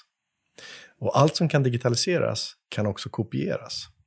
Och allt som kan kopieras, det sjunker i värde. Mm. Okej. Okay. Det fick mig att börja tänka på så här, okej, okay, om nu vad är då digitalisering? Egentligen är det så här, tänker jag, att allting som går att skriva ner eh, på papper, så här går det till i vissa steg, mm. det blir någon slags algoritm. Och det går att digitalisera. Det gäller allt från läkarvetenskap till jurister till vad som helst. Allt som sker i ett speciellt mönster som kan repeteras, det går att digitalisera i någon form. Och då börjar jag tänka så här, okej, okay, om det är sant, det som Arash nu säger, då tänker jag att då måste man ju bli bra på sånt som inte går att digitalisera tänkte jag. Mm. Och det finns ett antal saker som inte går att digitalisera än så länge. Vilka? Och, ja, till exempel en är att tänka långsamt. Och det är en utmaning för sån som dig. Ja, det, ja. Eh, men det är så att en dator vill ju alltid bli snabbare och snabbare och snabbare eftersom kapaciteten hela tiden förbättras. Så mm. de kan inte tänka långsamt. Dator, digitalisering, inte riktigt samma sak, men alltså, de här processerna som man använder när man digitaliserar, de här eh, algoritmerna, de vill ju bara att saker ska gå fortare för man ska tjäna tid på något sätt. Va? Och då tänker jag så här, tänka långsamt är någonting som inte kan. Städa ett tonårsrum. Det är väldigt få digitaliserade saker som kan fixa det. Det är väldigt få tonåringar som kan det. Det är också. Det är väldigt få föräldrar som kan få sina tonåringar att städa rummet. Men det är väl en femma. Den kan man ju pyssla med om man vill. Men så att, att, att hantera kaos, som då det är tonårsrum, och att tänka långsamt, det är två saker som datorer har väldigt svårt för, för de vill alltid lösa allting. Mm. Kreativitet kommer ju väldigt ofta ur kaos. Att det, liksom, det är ingen ordning på någonting. Så de här två grejerna blir väldigt viktiga. Och jag hade en, för länge sedan så hade jag en, eh, en lärare när jag läste, på engelska heter det leading organizational change, hur får, man, hur får man till stånd en förändring i en organisation? Och då sa han, han hette Sean Gaffney, jag vet faktiskt inte om han lever än, en irländare som var specialist på medling och eh, förhandling. Han var med i, och medlade i Mellanöstern och han medlade på Irland och mellan protestanter och katoliker. Han sa så här, han bröt väldigt mycket på, på engelska också, så han sa så här, Jörgen, du ska veta en sak, att eh, förvirring, det är det första steget till klarhet. Eh, ju större förvirring, desto större klarhet. Uh, och jag tycker att det är så vackert. Mm. Alltså, ju mer förvirrad du är, desto större kommer den här aha-upplevelsen vara när du väl får den. Och då tänker jag, det är ju det här med kaos, att kunna hantera det. Och liksom leva med det utan att bli rädd för det. Och att dessutom börja tänka lite långsamt, det gör ju att vi, våra mänskliga hjärna är helt unik i det avseendet. Och då tänker jag, då behöver man träna på det. Och då finns det ett antal förmågor som kommer att bli viktigare i framtiden. De blir viktigare och viktigare för varje dag som går. En av dem är ju till exempel då kreativ förmåga. Mm. Att kunna tänka kreativt. Och kreativt för mig, det är inte bara att tänka annorlunda. Utan det är att också göra någonting med det. Så kreativitet för mig handlar om två saker. Tänk annorlunda och gör något av det. Mm. Eh, annars har man ingen nytta av det. Och det är en sak som man behöver kunna. Den andra är... Om du bara tänker annorlunda, då är du ju filosof. Då ja, precis. Liksom... Om, om, du inte gör med det så händer det ju ingenting. Eh, och då kan man säga att ADHD är rätt intressant, för de tänker kreativt och det brukar hända saker också. Det blir inte rätt, men, men det brukar hända ja, grejer. Det, ja, det... så, så kreativitet kommer vara det kommer bli bara viktigare och viktigare och viktigare. Det finns mycket forskning som visar. Sen förmågan att tänka kritiskt. Det är också en sån här viktig grej. Att du behöver kunna tänka kritiskt och du behöver kunna uttrycka det. Och så går vi tillbaka till den här boken med psykologisk säkerhet. Du behöver kunna uttrycka dina kritiska tankar utan att någon slår ihjäl dig för det. Och det är, en fråga om, det är en fråga om kollaboration eller samarbete. Så kritiskt tänk, eller kreativitet, kritiskt tänkande och kollaboration och sen förmågan att kommunicera. De här fyra K'na, eh, 4K, om du kombinerar dem med ett M, jag har faktiskt skrivit en formel, jag gjorde en egen formel av det. Jag skrev så här, framgång, F, är lika med 4K plus M i kvadrat. Skrev jag. Det hittade jag på igår för jag tyckte att jag skulle vara lite kreativ. Alltså, om du kan hantera kreativitet, kritiskt tänkande, kollaboration och kommunikation i kombination med mod i kvadrat, då kommer det hända grejer. Tänkte jag. Mm, Och- det, den, ja, Och jag tänker att... tar tid att att få i. Ja, och, och, och det här är ju naturligtvis inte lätt. För många av de här grejerna är ju saker som... Eh, jag, jag vågar påstå att man kan träna på allt det här. Du kan träna på din kreativitet, du kan träna på din förmåga att tänka kritiskt, du kan träna på att samarbeta, det vill säga ko- kollaboration med andra. Du kan träna på att kommunicera och du kan träna upp ditt mod. Där tror jag att eh, de fyra första, alltså Kona, Mm. säger nog de flesta ja på. Men att träna på sitt mod, det kräver ju mod. Om, Mm. Det du då, om du då står, om vi går tillbaka till att du, du är i offer, Mm. offerhörnet och känner att jag är inte modig. Mm. Och det blir din identitet. Om jag då tar ansvar för att jag inte har modig, vad skulle jag behöva göra annorlunda för att det skulle ske Ja, jag annat? göra en liten förändring för att Precis. börja träna. Jag tänker ju... Man bör, men du börjar ju inte bicepscurla med, med 40 kilo stången. Nej, det blir tungt för dig. Ja, det går ju inte. Det går ju inte. Så man måste träna. Ja. Och när det gäller, du en, det är en sjukt snygg metafor. För när du går på gym och tränar dina muskler, då börjar du lite, i lite lugn takt och sen tränar du, ju, mer- ju mer du tränar, desto mer kan du lyfta, Mm. vad du nu gör för någonting. Och det du gör när du tränar är egentligen att du bryter ner dina muskler som Precis. växer tillbaka starkare. Och, och jag tänker att när det gäller då muskelfibrer, om du slutar träna, då blir det någonting annat utav det. Det hamnar på magen till slut. Eh, och det är samma med hjärnan. Om du Hamnar den på magen? Nej, det hamnar inte på magen. Men om du tränar din hjärna så blir de här synapserna som det då kallas för, de blir starkare och starkare. Om du tränar på att göra vissa saker, till exempel mod, då bildas en synapser som kommer att leda till att du blir modigare och modigare bara för att du tränar på att bli modig. Och det där handlar om att gå, om vi tänker oss att det finns en, en komfortzon, vi leker med tanken att den är rund. Mm. Så här, i den här, här är det supermysigt att vara Och ju närmare mitten man kommer, desto, desto mysigare är det. Ja. Så då är det lite läskigt att vara i ytterkanten här. Och det är samma sak där. Jag fattade principbeslut för en himla massa år sedan. Om jag hittar något som jag tycker är lite läskigt, då gör jag det av ren princip. Mm. För att jag vill att min komfortzon ska växa, för den kan växa. Och det är ett sätt att skaffa sig mod. Mm, Men den kan inte växa om du inte är utanför. Om du Att du måste åtminstone vara ute i kanten måste slå och, på kanterna. Liksom. ja, och, Ja. och puffa på den så att den försöker åka ut. Och då kan det hända att, att det, ibland går det åt, åt fanders. Mm. Eh, Och, och hamnar man i panik, till exempel, då kommer komfortzonen att krympa ännu mer än Mm. Ja, för då, då man kanske, börjar, kanske hjärnan bara fokuserar på att andas. Det är som att hoppa i en isvak. Du lite så. kan inte prata. Nej, det blir svårt. Men jag tänker också, där har du också det här som vi pratade om i, i början. Med eh, IQ och, och Dunning-Kruger-effekten. Mm. Att de som har en stor komfortzon har så svårt att relatera till de som har en liten. För att man tror att det här som är enkelt för mig, det är nog Mm. enkelt för alla. så skulle det kunna vara. Jag har inte tänkt på det de termerna, men så skulle det naturligtvis kunna vara. Jag, jag är lite så här jag-fixerad, så jag tänker på mig. Ja, bra. Och jag, jag tänkt på att jag, jag, behöver, jag behöver få den här att växa, eftersom utmaningen är att, att våga känna det jag känner. Jag, jag vågar vara rädd och ändå göra det som är, är, är bäst att göra. Eh, Så, och det är en träningssak, såklart. Eh, Jag är säkert inte världens modigaste person, men jag kan säga att jag är väldigt mycket modigare nu än jag var för 20 år sedan.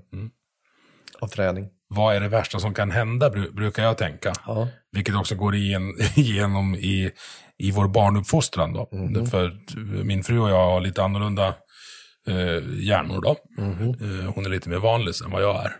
Och jag tänker när, när ungarna börjar bli 12, 13, 14, när de ska ut och liksom göra sina egna misstag. För det måste Mm. du ju låta dem göra, för annars blir de i, i offerhörnet. Mm. Då är jag lite mer så här, eh, jag har ett kanske inte så strikt förhållande till regler. Mm. Eh, och då tänker jag att så här, pappa säger att så länge det farligaste som kan hända är att du bry- bryter ett ben Mm. och det inte är fängelse med i straffskalan så är pappa okej med det här. Funkar inte riktigt lika bra med frun, men... Men Nej, förstår, förstår du ja, vad jag menar? jag förstår jag är liksom inte rädd för eh, de konsekvenserna som någon som inte har testat komfortzonen är rädd för. För jag har haft dem, jag har brutit näsan, jag har, jag har sett i någon rättegång, jag har åkt polisbil. Det skrämmer inte mig längre. Nej. Och det kanske inte alltid är något positivt. Nej, både ja och nej. Men jag tänker att det är så här, varje gång man ska göra någonting för första gången. Eh, nu är mina ungar eh, hyggligt stora då. Den yngsta är fortfarande kvar i tonåren. Eh, men jag tänker också, jag kommer ihåg när jag var i tonåren själv, om man träffade en tjej så blev man ihop och så skulle man, ja men det här funkar inte, jag kan inte vara ihop med den här människan, så ska man göra slut. Det är rätt obehagligt första gången man ska göra det. Ja, ja, då kommer man, inte- aldrig hitta något mer i hela sitt liv. Exakt. Man är helt förstörd. Det är obehagligt av en massa skäl. Dels är man rädd för att man ska göra någon ledsen. Alltså det finns ju massor med grejer som skapar obehag i en. Men nästa gång det här händer, när man träffar på någon människa som jag vill inte ha med dig att göra, då kan man säga det på ett annat sätt. eh, Och, och inte vara lika rädd. Så jag tänker, man tränar på de här grejerna så blir man modigare och modigare. Och när det gäller mina barn och barnuppfostran så har jag egentligen bara haft två regler. Eh, Jag har gjort det enkelt för mig. Jag vet inte om reglerna är så, de är enkla att säga, men de är lite svåra att genomföra. Men jag har haft, den första regeln är att min uppgift som pappa, det är att se till att mina barn blir självständiga. Och på vägen dit så ska jag se till att de inte gör sig illa. Det är de två reglerna jag har. De ska bli självständiga och de ska inte göra sig illa. Och jag tror att mina barn, alla tre faktiskt vet om att det här är det jag håller på med. Så att när jag gör grejer som är helt korkade så är det antingen för att jag tror, som de tycker är korkade då, antingen så tror jag att de eh, kommer att bli självständiga och att de är tvungna att göra det här, eller så tror jag att de är på väg att göra sig illa.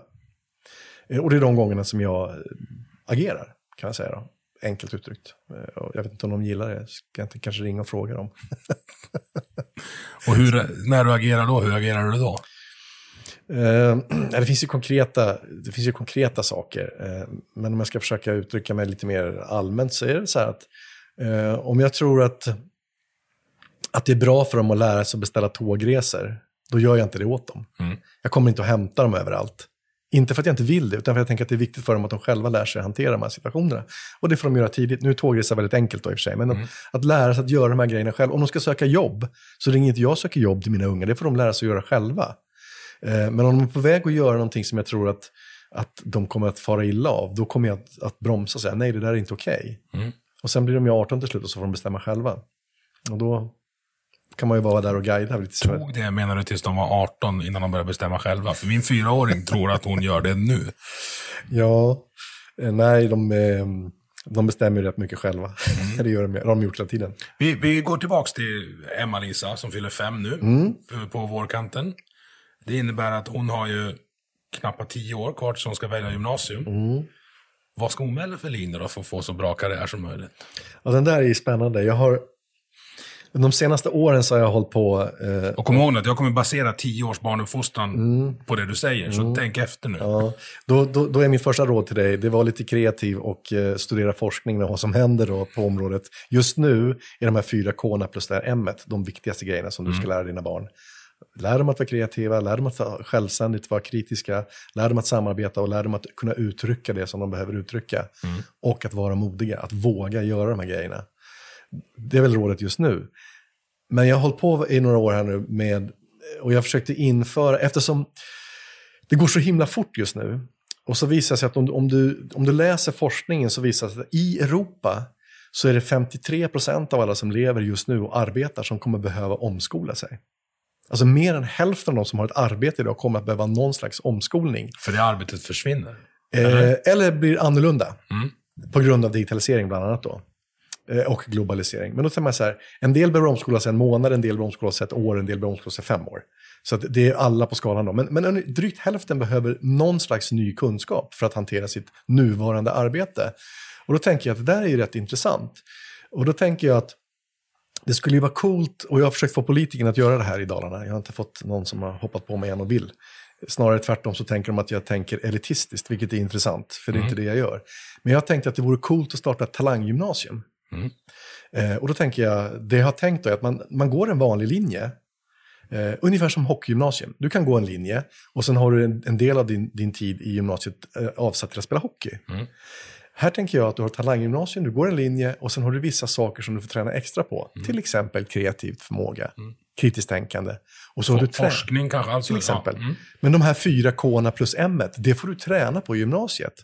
Och eftersom det är en så stor omställning i världen just nu, för vi kommer inte undan digitaliseringen. Så tänker jag, nu är det ett gyllene läge. Tänk om Dalarna blev Sveriges talangpool. Alla som, som tittar på Sverige säger så här, wow, i Dalarna, där har de verkligen lyckats fixa till det för sig genom att de har tränat sina barn och ungdomar i förmågan att vara kreativ, förmågan att kritiskt tänka, förmågan att samarbeta förmågan att kommunicera. Och de har dessutom fått med sig ett gäng mod ut ur gymnasiet. Vilken grej! Jag förstår att, att eh, folk tycker att du tänker elitistiskt. Mm. Eh, och jag gillar det. det eller, så här, jag gillar det du säger. Mm. För likväl som att vi har elever med särskilda behov för att, för att komma upp i nivå på gymnasiet. Mm. Så har vi elever med särskilda behov i andra ändan också. Mm. Som måste få tenta av matten om de kan det.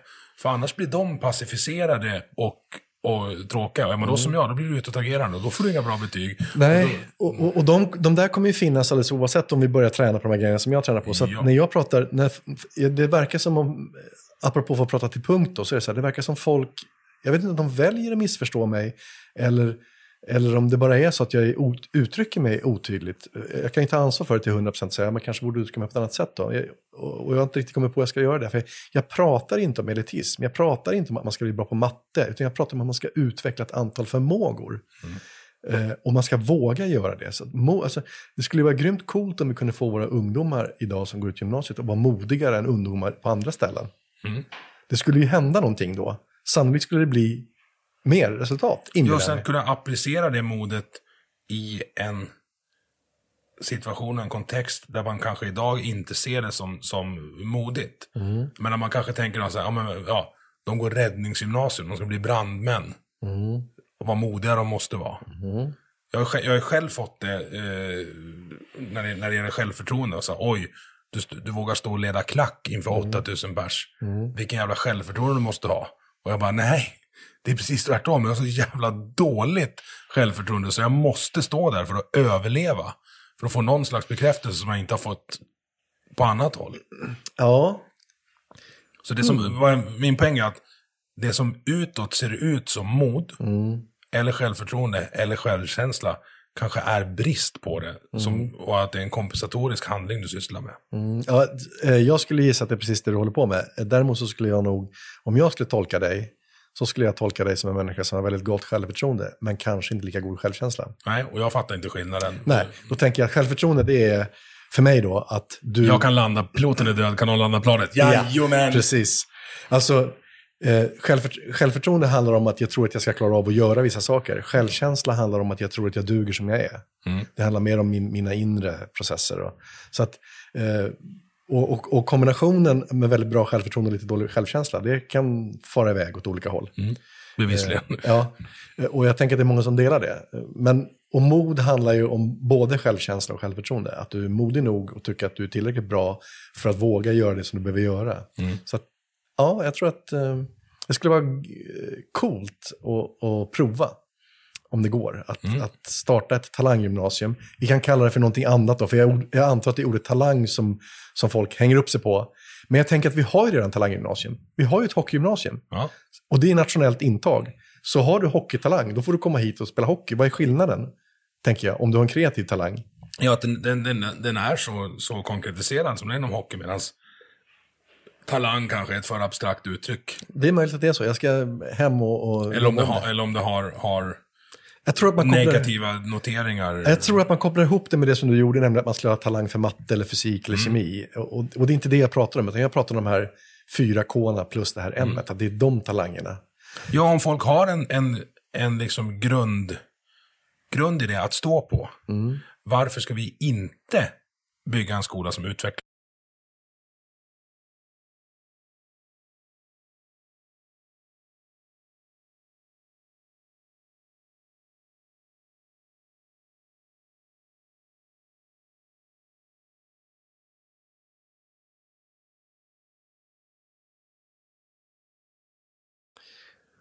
jag vet inte exakt vad Skolverket har skrivit att deras uppdrag Nej, är. men- inte det tror jag. ja. Nej, men jag tänker fortfarande så här, om vi, om vi, om vi struntar i, vi lägger bort, vi lägger bort de här fyra k och m från, från början och så säger vi så här, då har vi ett antal barn som kommer att vara bra på vissa saker och mindre bra på andra saker. Och så tänker jag så här, de kommer att vara bra och, och mindre bra på vissa saker alldeles oavsett om de här fyra k och m finns. Men om vi adderar de här, då kommer de att bli bättre på de saker som de är bra på och bättre på de saker som de är mindre bra på. Bara genom att addera det här. Och det är det jag är ute och far efter. Inte att man ska skapa någon slags elit, eh, elitgymnasium, för det, är inte det som är grejen. Utan här handlar det om att, att, att man utvecklar förmågor. Inte bara att vara bra på matte, utan att vara bra på att hantera situationer. Så att man gör mera rätt, kan man väl säga då. Du pratade om att vi i Dalarna skulle göra det, vilket leder mig in på, på en jättespännande fråga.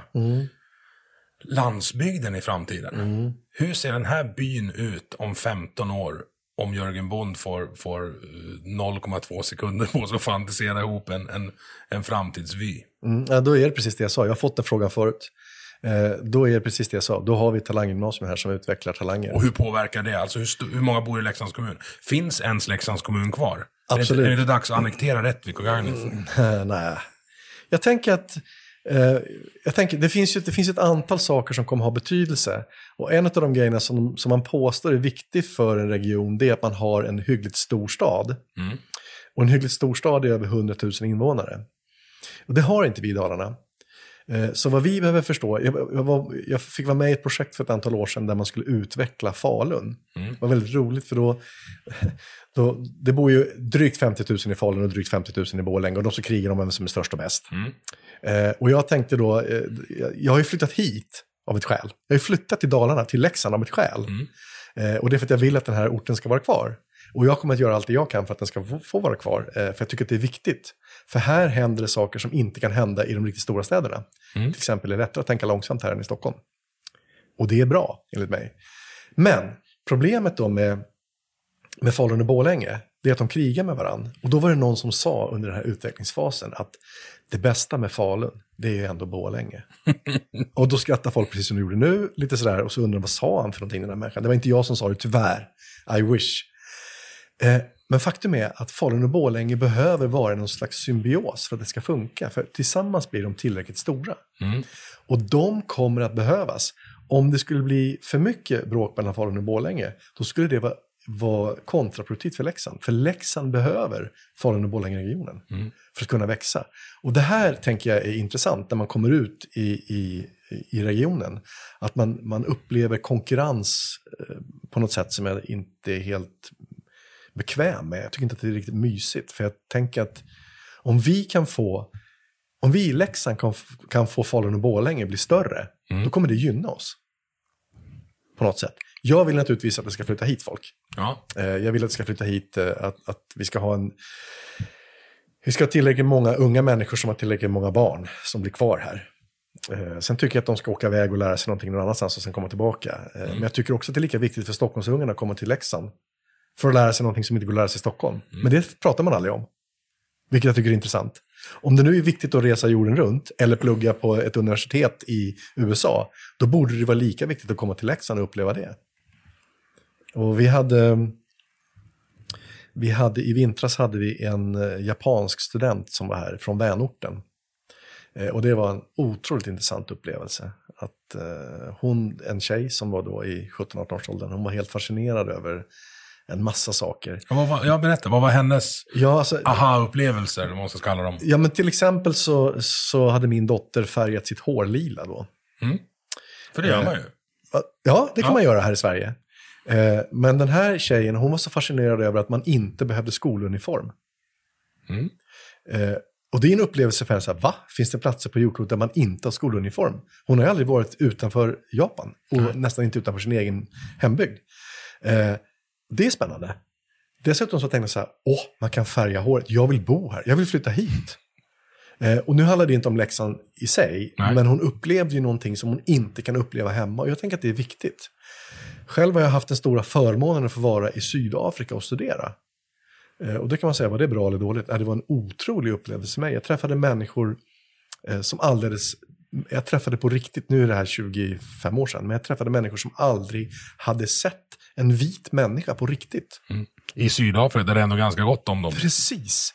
Och det här, jag var så ute och besökte, eh, vi besökte en kockstad och vi var på ett dagis och träffade barn där. Och de hade aldrig eh, jag har sett på bild, men aldrig på riktigt sett en, en, en vit människa. Och de var ju fram och tog, de trodde att vi inte hade någon hud. Så de var fram och nöp i skinnet på oss och sa, men vad, vad är ditt skinn någonstans? Ja, det är väl helt rimligt att de tänker det, för vi ser ju inte ut som dem. Och jag tänker att, att utsätta sig för alla de här grejerna gör att man, att, ja, Ja. Ett enkelt sätt att, att missförstå det då, som vi pratar om att folk missförstår med flit, det är så här, var inte det ganska rasistiskt av de ungarna? Ja, så skulle man kunna tänka. Jag tänker att man, man måste ju tänka på vilken kontext man befinner sig i. Mm. Eh, och är man uppvuxen, eh, men när folk, när folk träffar mig som, som inte kommer från Stockholm så tror de att jag är stockholmare. Mm. Mm, men det är jag inte. Nej, du är från Nynäshamn. Precis. Ja. Nynäshamn, det är, det, det, det är inte Stockholm alls för mig. Nej. Men om jag skulle säga det så skulle de säga ja, Stockholm, för att det är 08-området. Mm. Ja, nej, Om det- ens är det, inte det typ 0498? Nej då, det, det är Ja, 08. Ja. Men, och det gör det, så det tillhör ju Storstockholm. Mm. Men, men det är inte Stockholm. För Stockholm för mig är någonting helt annat. Och, och de som säger det, Mm. eh, som är härifrån och träffar, Mm. som, som, eller som träffar dig och tror att du är stockholmare fast du är från Nynäshamn. Om, du säger, om de bor i Hälla och du tror att de kommer från Roma, då, då blir de arg. Säkert. Jag har inte provat än. Nej, men- det, jag kan berätta att det är så. Mm, okej. Vi har västra och östra Rönnäs, förstår du, där jag är ifrån. Det är samma by, men det är, det är fortfarande liksom Beverly Hills och slummen. Mm. Och jag tänker att den här kontexten som man växer upp i, den, den, eh, den formar en ju på något sätt. Alltså, det, det som blir mina värderingar, det som blir jag, det är det jag har varit med om i mitt liv fram tills, tills jag eh, väljer någonting annat. Och nu är det så att eh, jag förstod ju inte till exempel hur stockholmifierad Sveriges Television var förrän jag flyttade till Leksand. Nej. Och när jag upptäckte det, det var det här året, det var 2010 tror jag, när det var så sjukt mycket snö här uppe till jul. Eh, eh, och jag satt och kollade på nyheterna. Och, och i Stockholm var det ingen snö. Och då skulle, då skulle Aktuellt-reportern göra en sån här snygg överlämning till väderreportern. Och säga så här, hur långt behöver jag åka i jul för att få snö? Och jag tittar ut genom fönstret så det är två meter snö, jag behöver inte åka någonstans. Och det är riksnyheter. Och precis, och då kom jag på hur stockholmifierad Sveriges Television är. För de, de sitter ju i kontexten av att det finns ingen snö. De tänker ju inte på att åtta miljoner av de som kan titta på tv faktiskt bor någon annanstans än i Stockholm. Så jag skrev ett brev till dem och sa, Sveriges Television, kära ni, ni behöver förstå att åtta miljoner bor någon annanstans än i Stockholm. Du skrev ett brev. Ja, jag skrev ett brev. Ja, jag blev det- lite upprörd. Jag skrev många brev till Sveriges Television. Jag skrivit ett annat intressant brev till, det var förr, eh, inte, inte nu valet som var nu senast, utan valet som var innan, så skrev jag brev till eh, partiledardebatten. Mm. Jag var så sjukt trött på att partiledarna bara kastade skit på varandra genom att säga hur dåliga det andra laget var hela tiden. Så då skickade jag ett brev med ett förslag på att de skulle införa gula och röda kort. Mm. Det vill säga att om du är med i partiledardebatten eh, så kan reportrarna som står där, de kan ge gult kort till de som skyller på de andra. Och två gula kort och åker du ut får du inte vara med i debatten. De har inte tagit det än, men jag hoppas att de... Alltså det här, det är så kul att du tar upp det, för att vi sitter här är ju en direkt reaktion på, på lite, alltså det medieklimatet i stort, men framförallt det politiska klimatet. Där ingen berättar vad de vill göra, utan bara vad de andra har gjort fel. Och jag tycker det är så, jag blir, jag blir trött och frustrerad. Det kommer inte leda någon, någonstans. Nej, och jag var till och med tvungen att fråga en politiker eh, som jag känner varför de gör så här. Och det är för att det är det som går hem.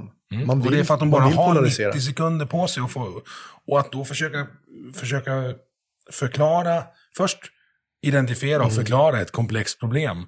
Och sen saluföra en lösning på det här. Det går inte på 90 sekunder. Det är helt. Nej, omöjligt. det är lite problematiskt. Jag tycker att det är synd, för att... eh, ja. Och i synnerhet ett företag, statligt finansierat företag som Sveriges Television, de borde kunna göra det här bättre. Mm. Det finns en, eh, jag hade inte tänkt att jag skulle säga det här. Jag hade tänkt, jag tänkte först att jag ska ta med mig boken, men så gjorde jag inte det för att jag tänker det blir för, det kan bli för kontroversiellt. men nu frestar du mig så mycket Ja. så att får vi se vad du säger då. Det finns en gubbe som är hatad och älskad. Jag tror han är mer hatad än älskad faktiskt. Han har skrivit en bok som heter Efter demokratin. Han heter Jason Brennan. Okej, spännande. Ja, det är en amerikansk forskare. Han har uttryckt sig ungefär så här. Jag håller nu, säg nu så här. Jag Du- saluför inte Nej, hans du tankar. parafraserar han. Mm. han mm. Han säger ungefär så här att, att demokratin, den är på väg att dö ut. Den funkar inte längre, för det är för många som röstar på, eh, på rubriker, Mm. som inte läser på. Eh, och det gör att, att om du röstar på, rubrik, på rubriker, då kommer du att få andra val än om du röstar på genom att veta. Så han, hans förslag är, och jag tycker att det är lite så stimulerande och lite provocerande eh, och lite intressant. Han säger så här, innan man får rösta i någon fråga så borde man få göra ett allmänkunskapstest. Inte ett begåvningstest. Nej. Har ingenting med begåvning att göra, utan hur mycket kan du om den här frågan som du ska rösta i? Och så påstår han, rätt eller fel, jag har ingen aning, om det hade införts innan man röstade på Brexit, då hade Brexit inte hänt. Jag vet inte om han har rätt, men jag tycker att det är en intressant och provocerande tanke. Hade man infört det här innan valet i USA, när man nu lyckades välja Donald Trump, då hade inte Donald Trump blivit vald. Jag vet inte om han har rätt, Nej, men jag tycker det- att tanken är skönt provocerande och, och det gillar ju vi, saker som är lite provocerande. Så jag, jag tänker att det blir lite spännande. Jag har ingen aning om han har rätt eller inte, men jag tycker ändå att är, man, behöver, man behöver kunna ta det här till sig och så säga vända på det och vrida på det. När jag gick på universitetet för 2000 år sedan snart, I Delphi. Ja. Ja, no. Ja. Eh, nej, jag gick i Stockholm då.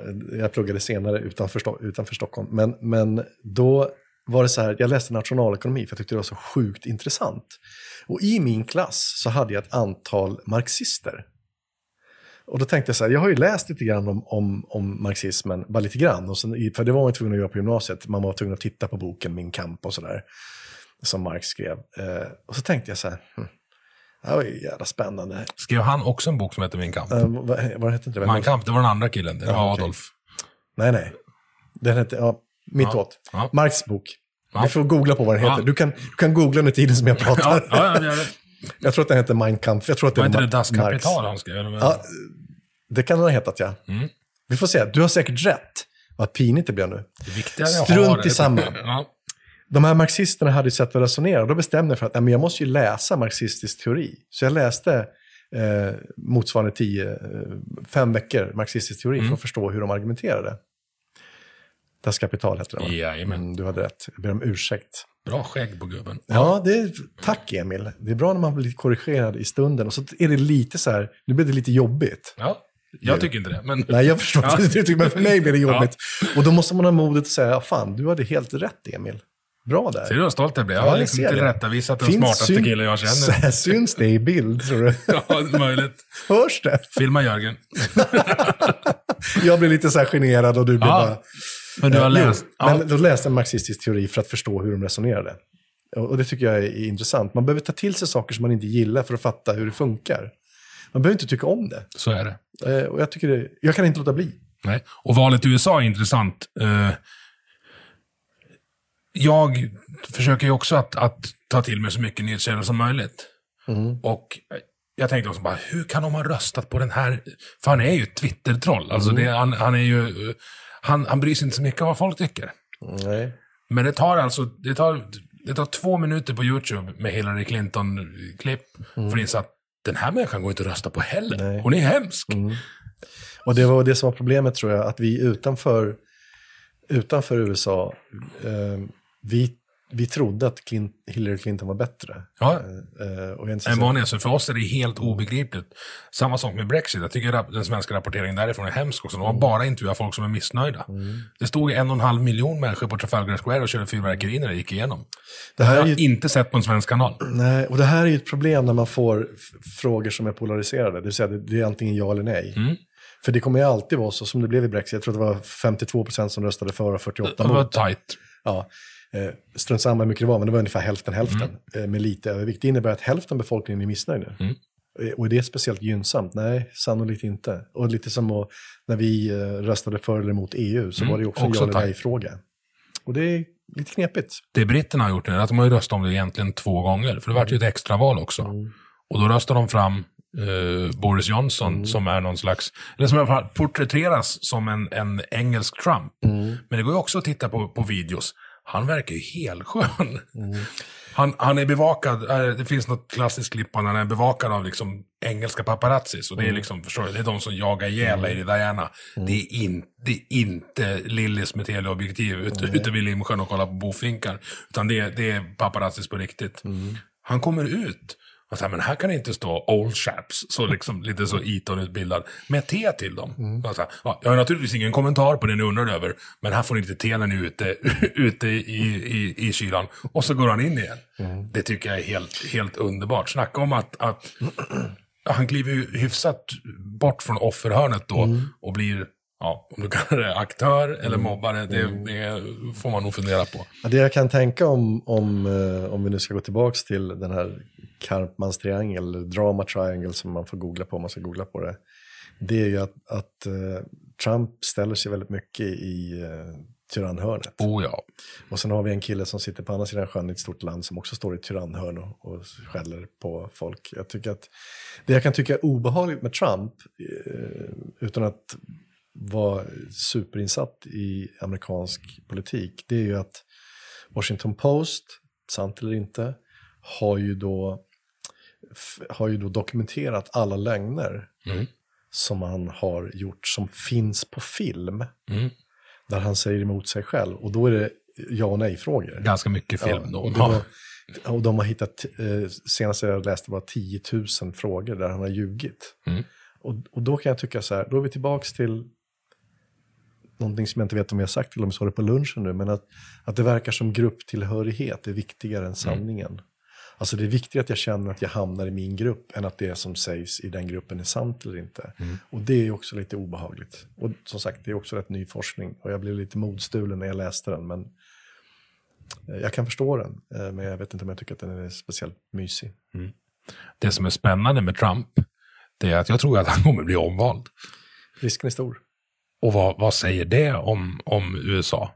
Mm. För jag, jag tror att med grupptillhörighet, när du har liksom när du har idiotförklarat eh, de som röstar på honom.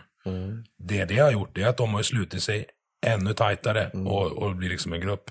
Och så när du idiotförklarar hälften av befolkningen och, och kallar dem lite, lite, lite nonchalant för flyover states, att det är bara New York och Los Angeles som, som, eh, som gills i det här landet. Det är inte bra alltså. Nej, det, det blir ju... ehm, det blir ju ännu starkare då kan man säga. Motståndet kommer bli ännu starkare. De där på kusterna tycker att de är coolare än oss andra. Så är det. Finns det någon sån eh, konflikt i Sverige mellan landsbygd och, och storstad? Det gör det alldeles säkert. Sen vi, vi är inte lika beväpnade som, som jänkarna Nej, är. det är tur det. Ja. Eh, nej, men det är klart att det är alltid svårt att förstå eh, människor som har växt upp i en annan kontext än vad man själv har gjort. Det är alltid svårt. Eh, det kräver ju... Snudd på omöjligt. Ja, och det kräver ju att man är nyfiken. Jag menar, Och öppen. Det är, Ja, precis. Jag, jag, jag kan ju tycka att det är kul att prata med människor som är annorlunda, därför Mm. att jag blir väldigt nyfiken på riktigt. Jag behöver inte tycka, jag behöver inte tycka som dig. Men är man. Mm. nyfiken så kommer du ju få reda på saker. Och om du, inte kan, om, du, om du inte är redo att ta till dig det du får reda på, inte acceptera och hålla med, men ändå ta till dig att det finns folk som tycker så här, Mm. då blir du ju inskränkt. Och det är, är inte bra. Nej, men det är väldigt jobbigt också att vara öppen. Att vara Ja. öppen för att saker och ting är sanna är väldigt jobbigt. Ehm, att, att vara öppen för att allt som någon säger skulle vara sant. För det är ena chansen att lära sig. Om jag, stänger dörren, om jag ska stänga dörren till att det du säger är liksom, att du har fel Emil. Då är dörren stängd. Jag kan inte lära mig någonting nytt då. För då har jag den kunskap jag har. Men om jag skulle orka hålla öppen dörren för att allt det du säger är rätt. Jag säger inte att du behöver ha rätt nu, va? men jag skulle kunna hålla den öppen medan vi pratar, som att allt det du säger är rätt. Då kan jag lära mig någonting av det du säger, och det tycker jag är rätt viktigt. Och det är väldigt få som... Få, nej, det är tillräckligt... Det, är för det, det är inte tillräckligt många som, som orkar hålla dörren öppen. Och jag, det, det är inte alldeles säkert att Donald Trump är, är allt bara är ond. För om du tittar på amerikansk ekonomi så har det hänt grejer där. Sen kan man ju diskutera om man tycker att det är bra eller dåligt det han har gjort. Mm.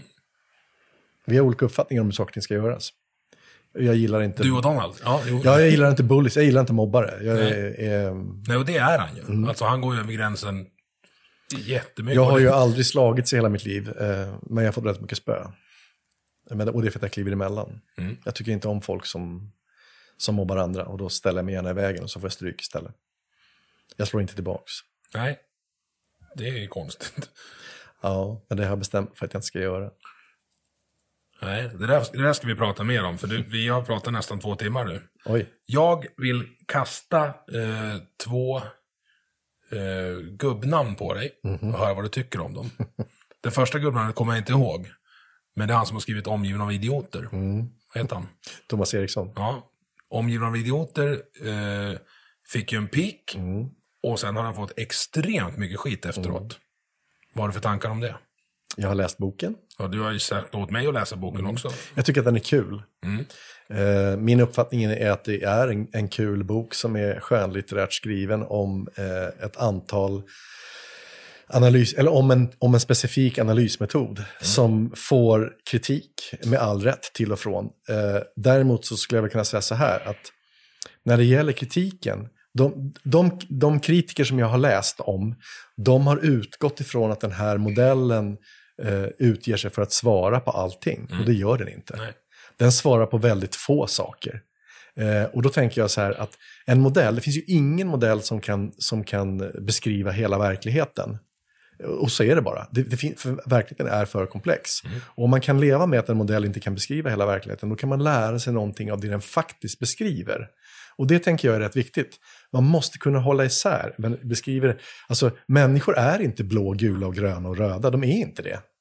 Däremot kan man ha drag eh, som då man har valt att symbolisera med olika typer av färger. Men man är inte någonting, utan man har ett visst beteende. Och det behöver man inte heller ha jämt. Men det, vis- vissa, finns vissa drag eh, som kommer igen. Och det kan man tycka att det kan vara spännande att ha som en kommunikationsmodell. Om det är så att du just uppvisar ett beteende, så kan säga, ah Emil, nu visar du ett rött beteende, vad spännande. Mm. Ja. Det, jag, det jag fick ut av den, för jag har läst den, eh, det var en, ett, en insikt i att det är okej att vara eh, som mig, eller bete sig som mig.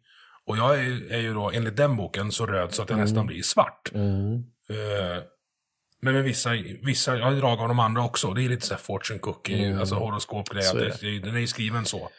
Men Boken ja. det jag insåg då, att om, om, om det blir okej för mig, om jag känner igen mig i det här och skrattar lite åt mig själv, då måste det vara okej att vara som de andra också. Och det har jag historiskt haft problem med, att hantera liksom, framförallt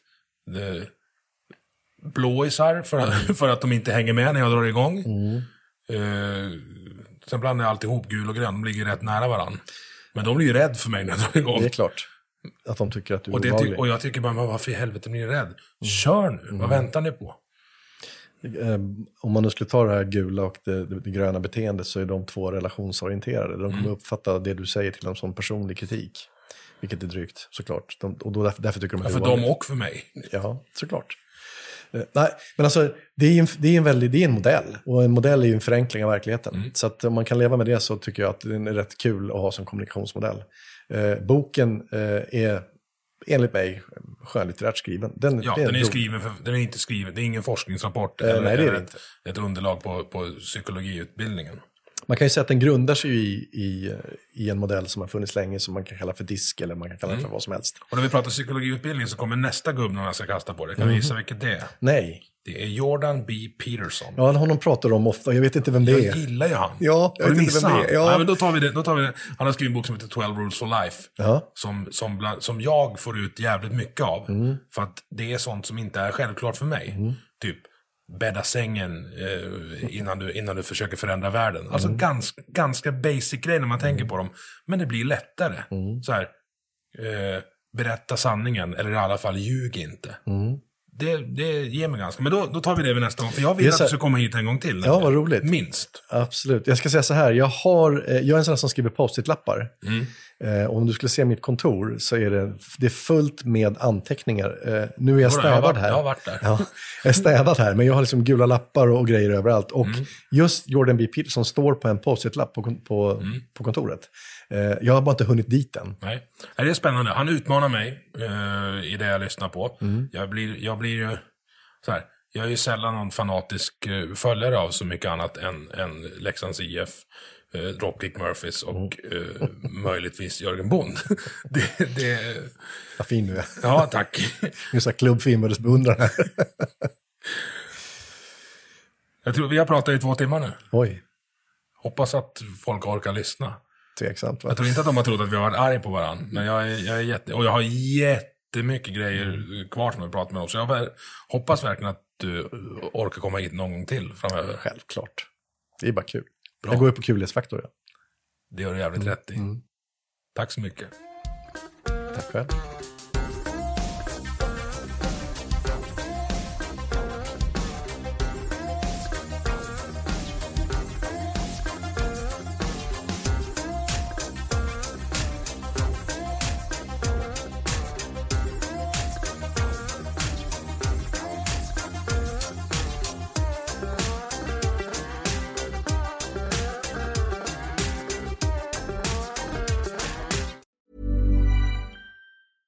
A lot can happen in the next three years. Like a chatbot may be your new best friend. But what won't change? Needing health insurance. United Healthcare Tri Term Medical Plans are available for these changing times. Underwritten by Golden Rule Insurance Company, they offer budget friendly, flexible coverage for people who are in between jobs or missed open enrollment. The plans last nearly three years in some states, with access to a nationwide network of doctors and hospitals. So, for whatever tomorrow brings, United Healthcare Tri Term Medical Plans may be for you. Learn more at uh1.com.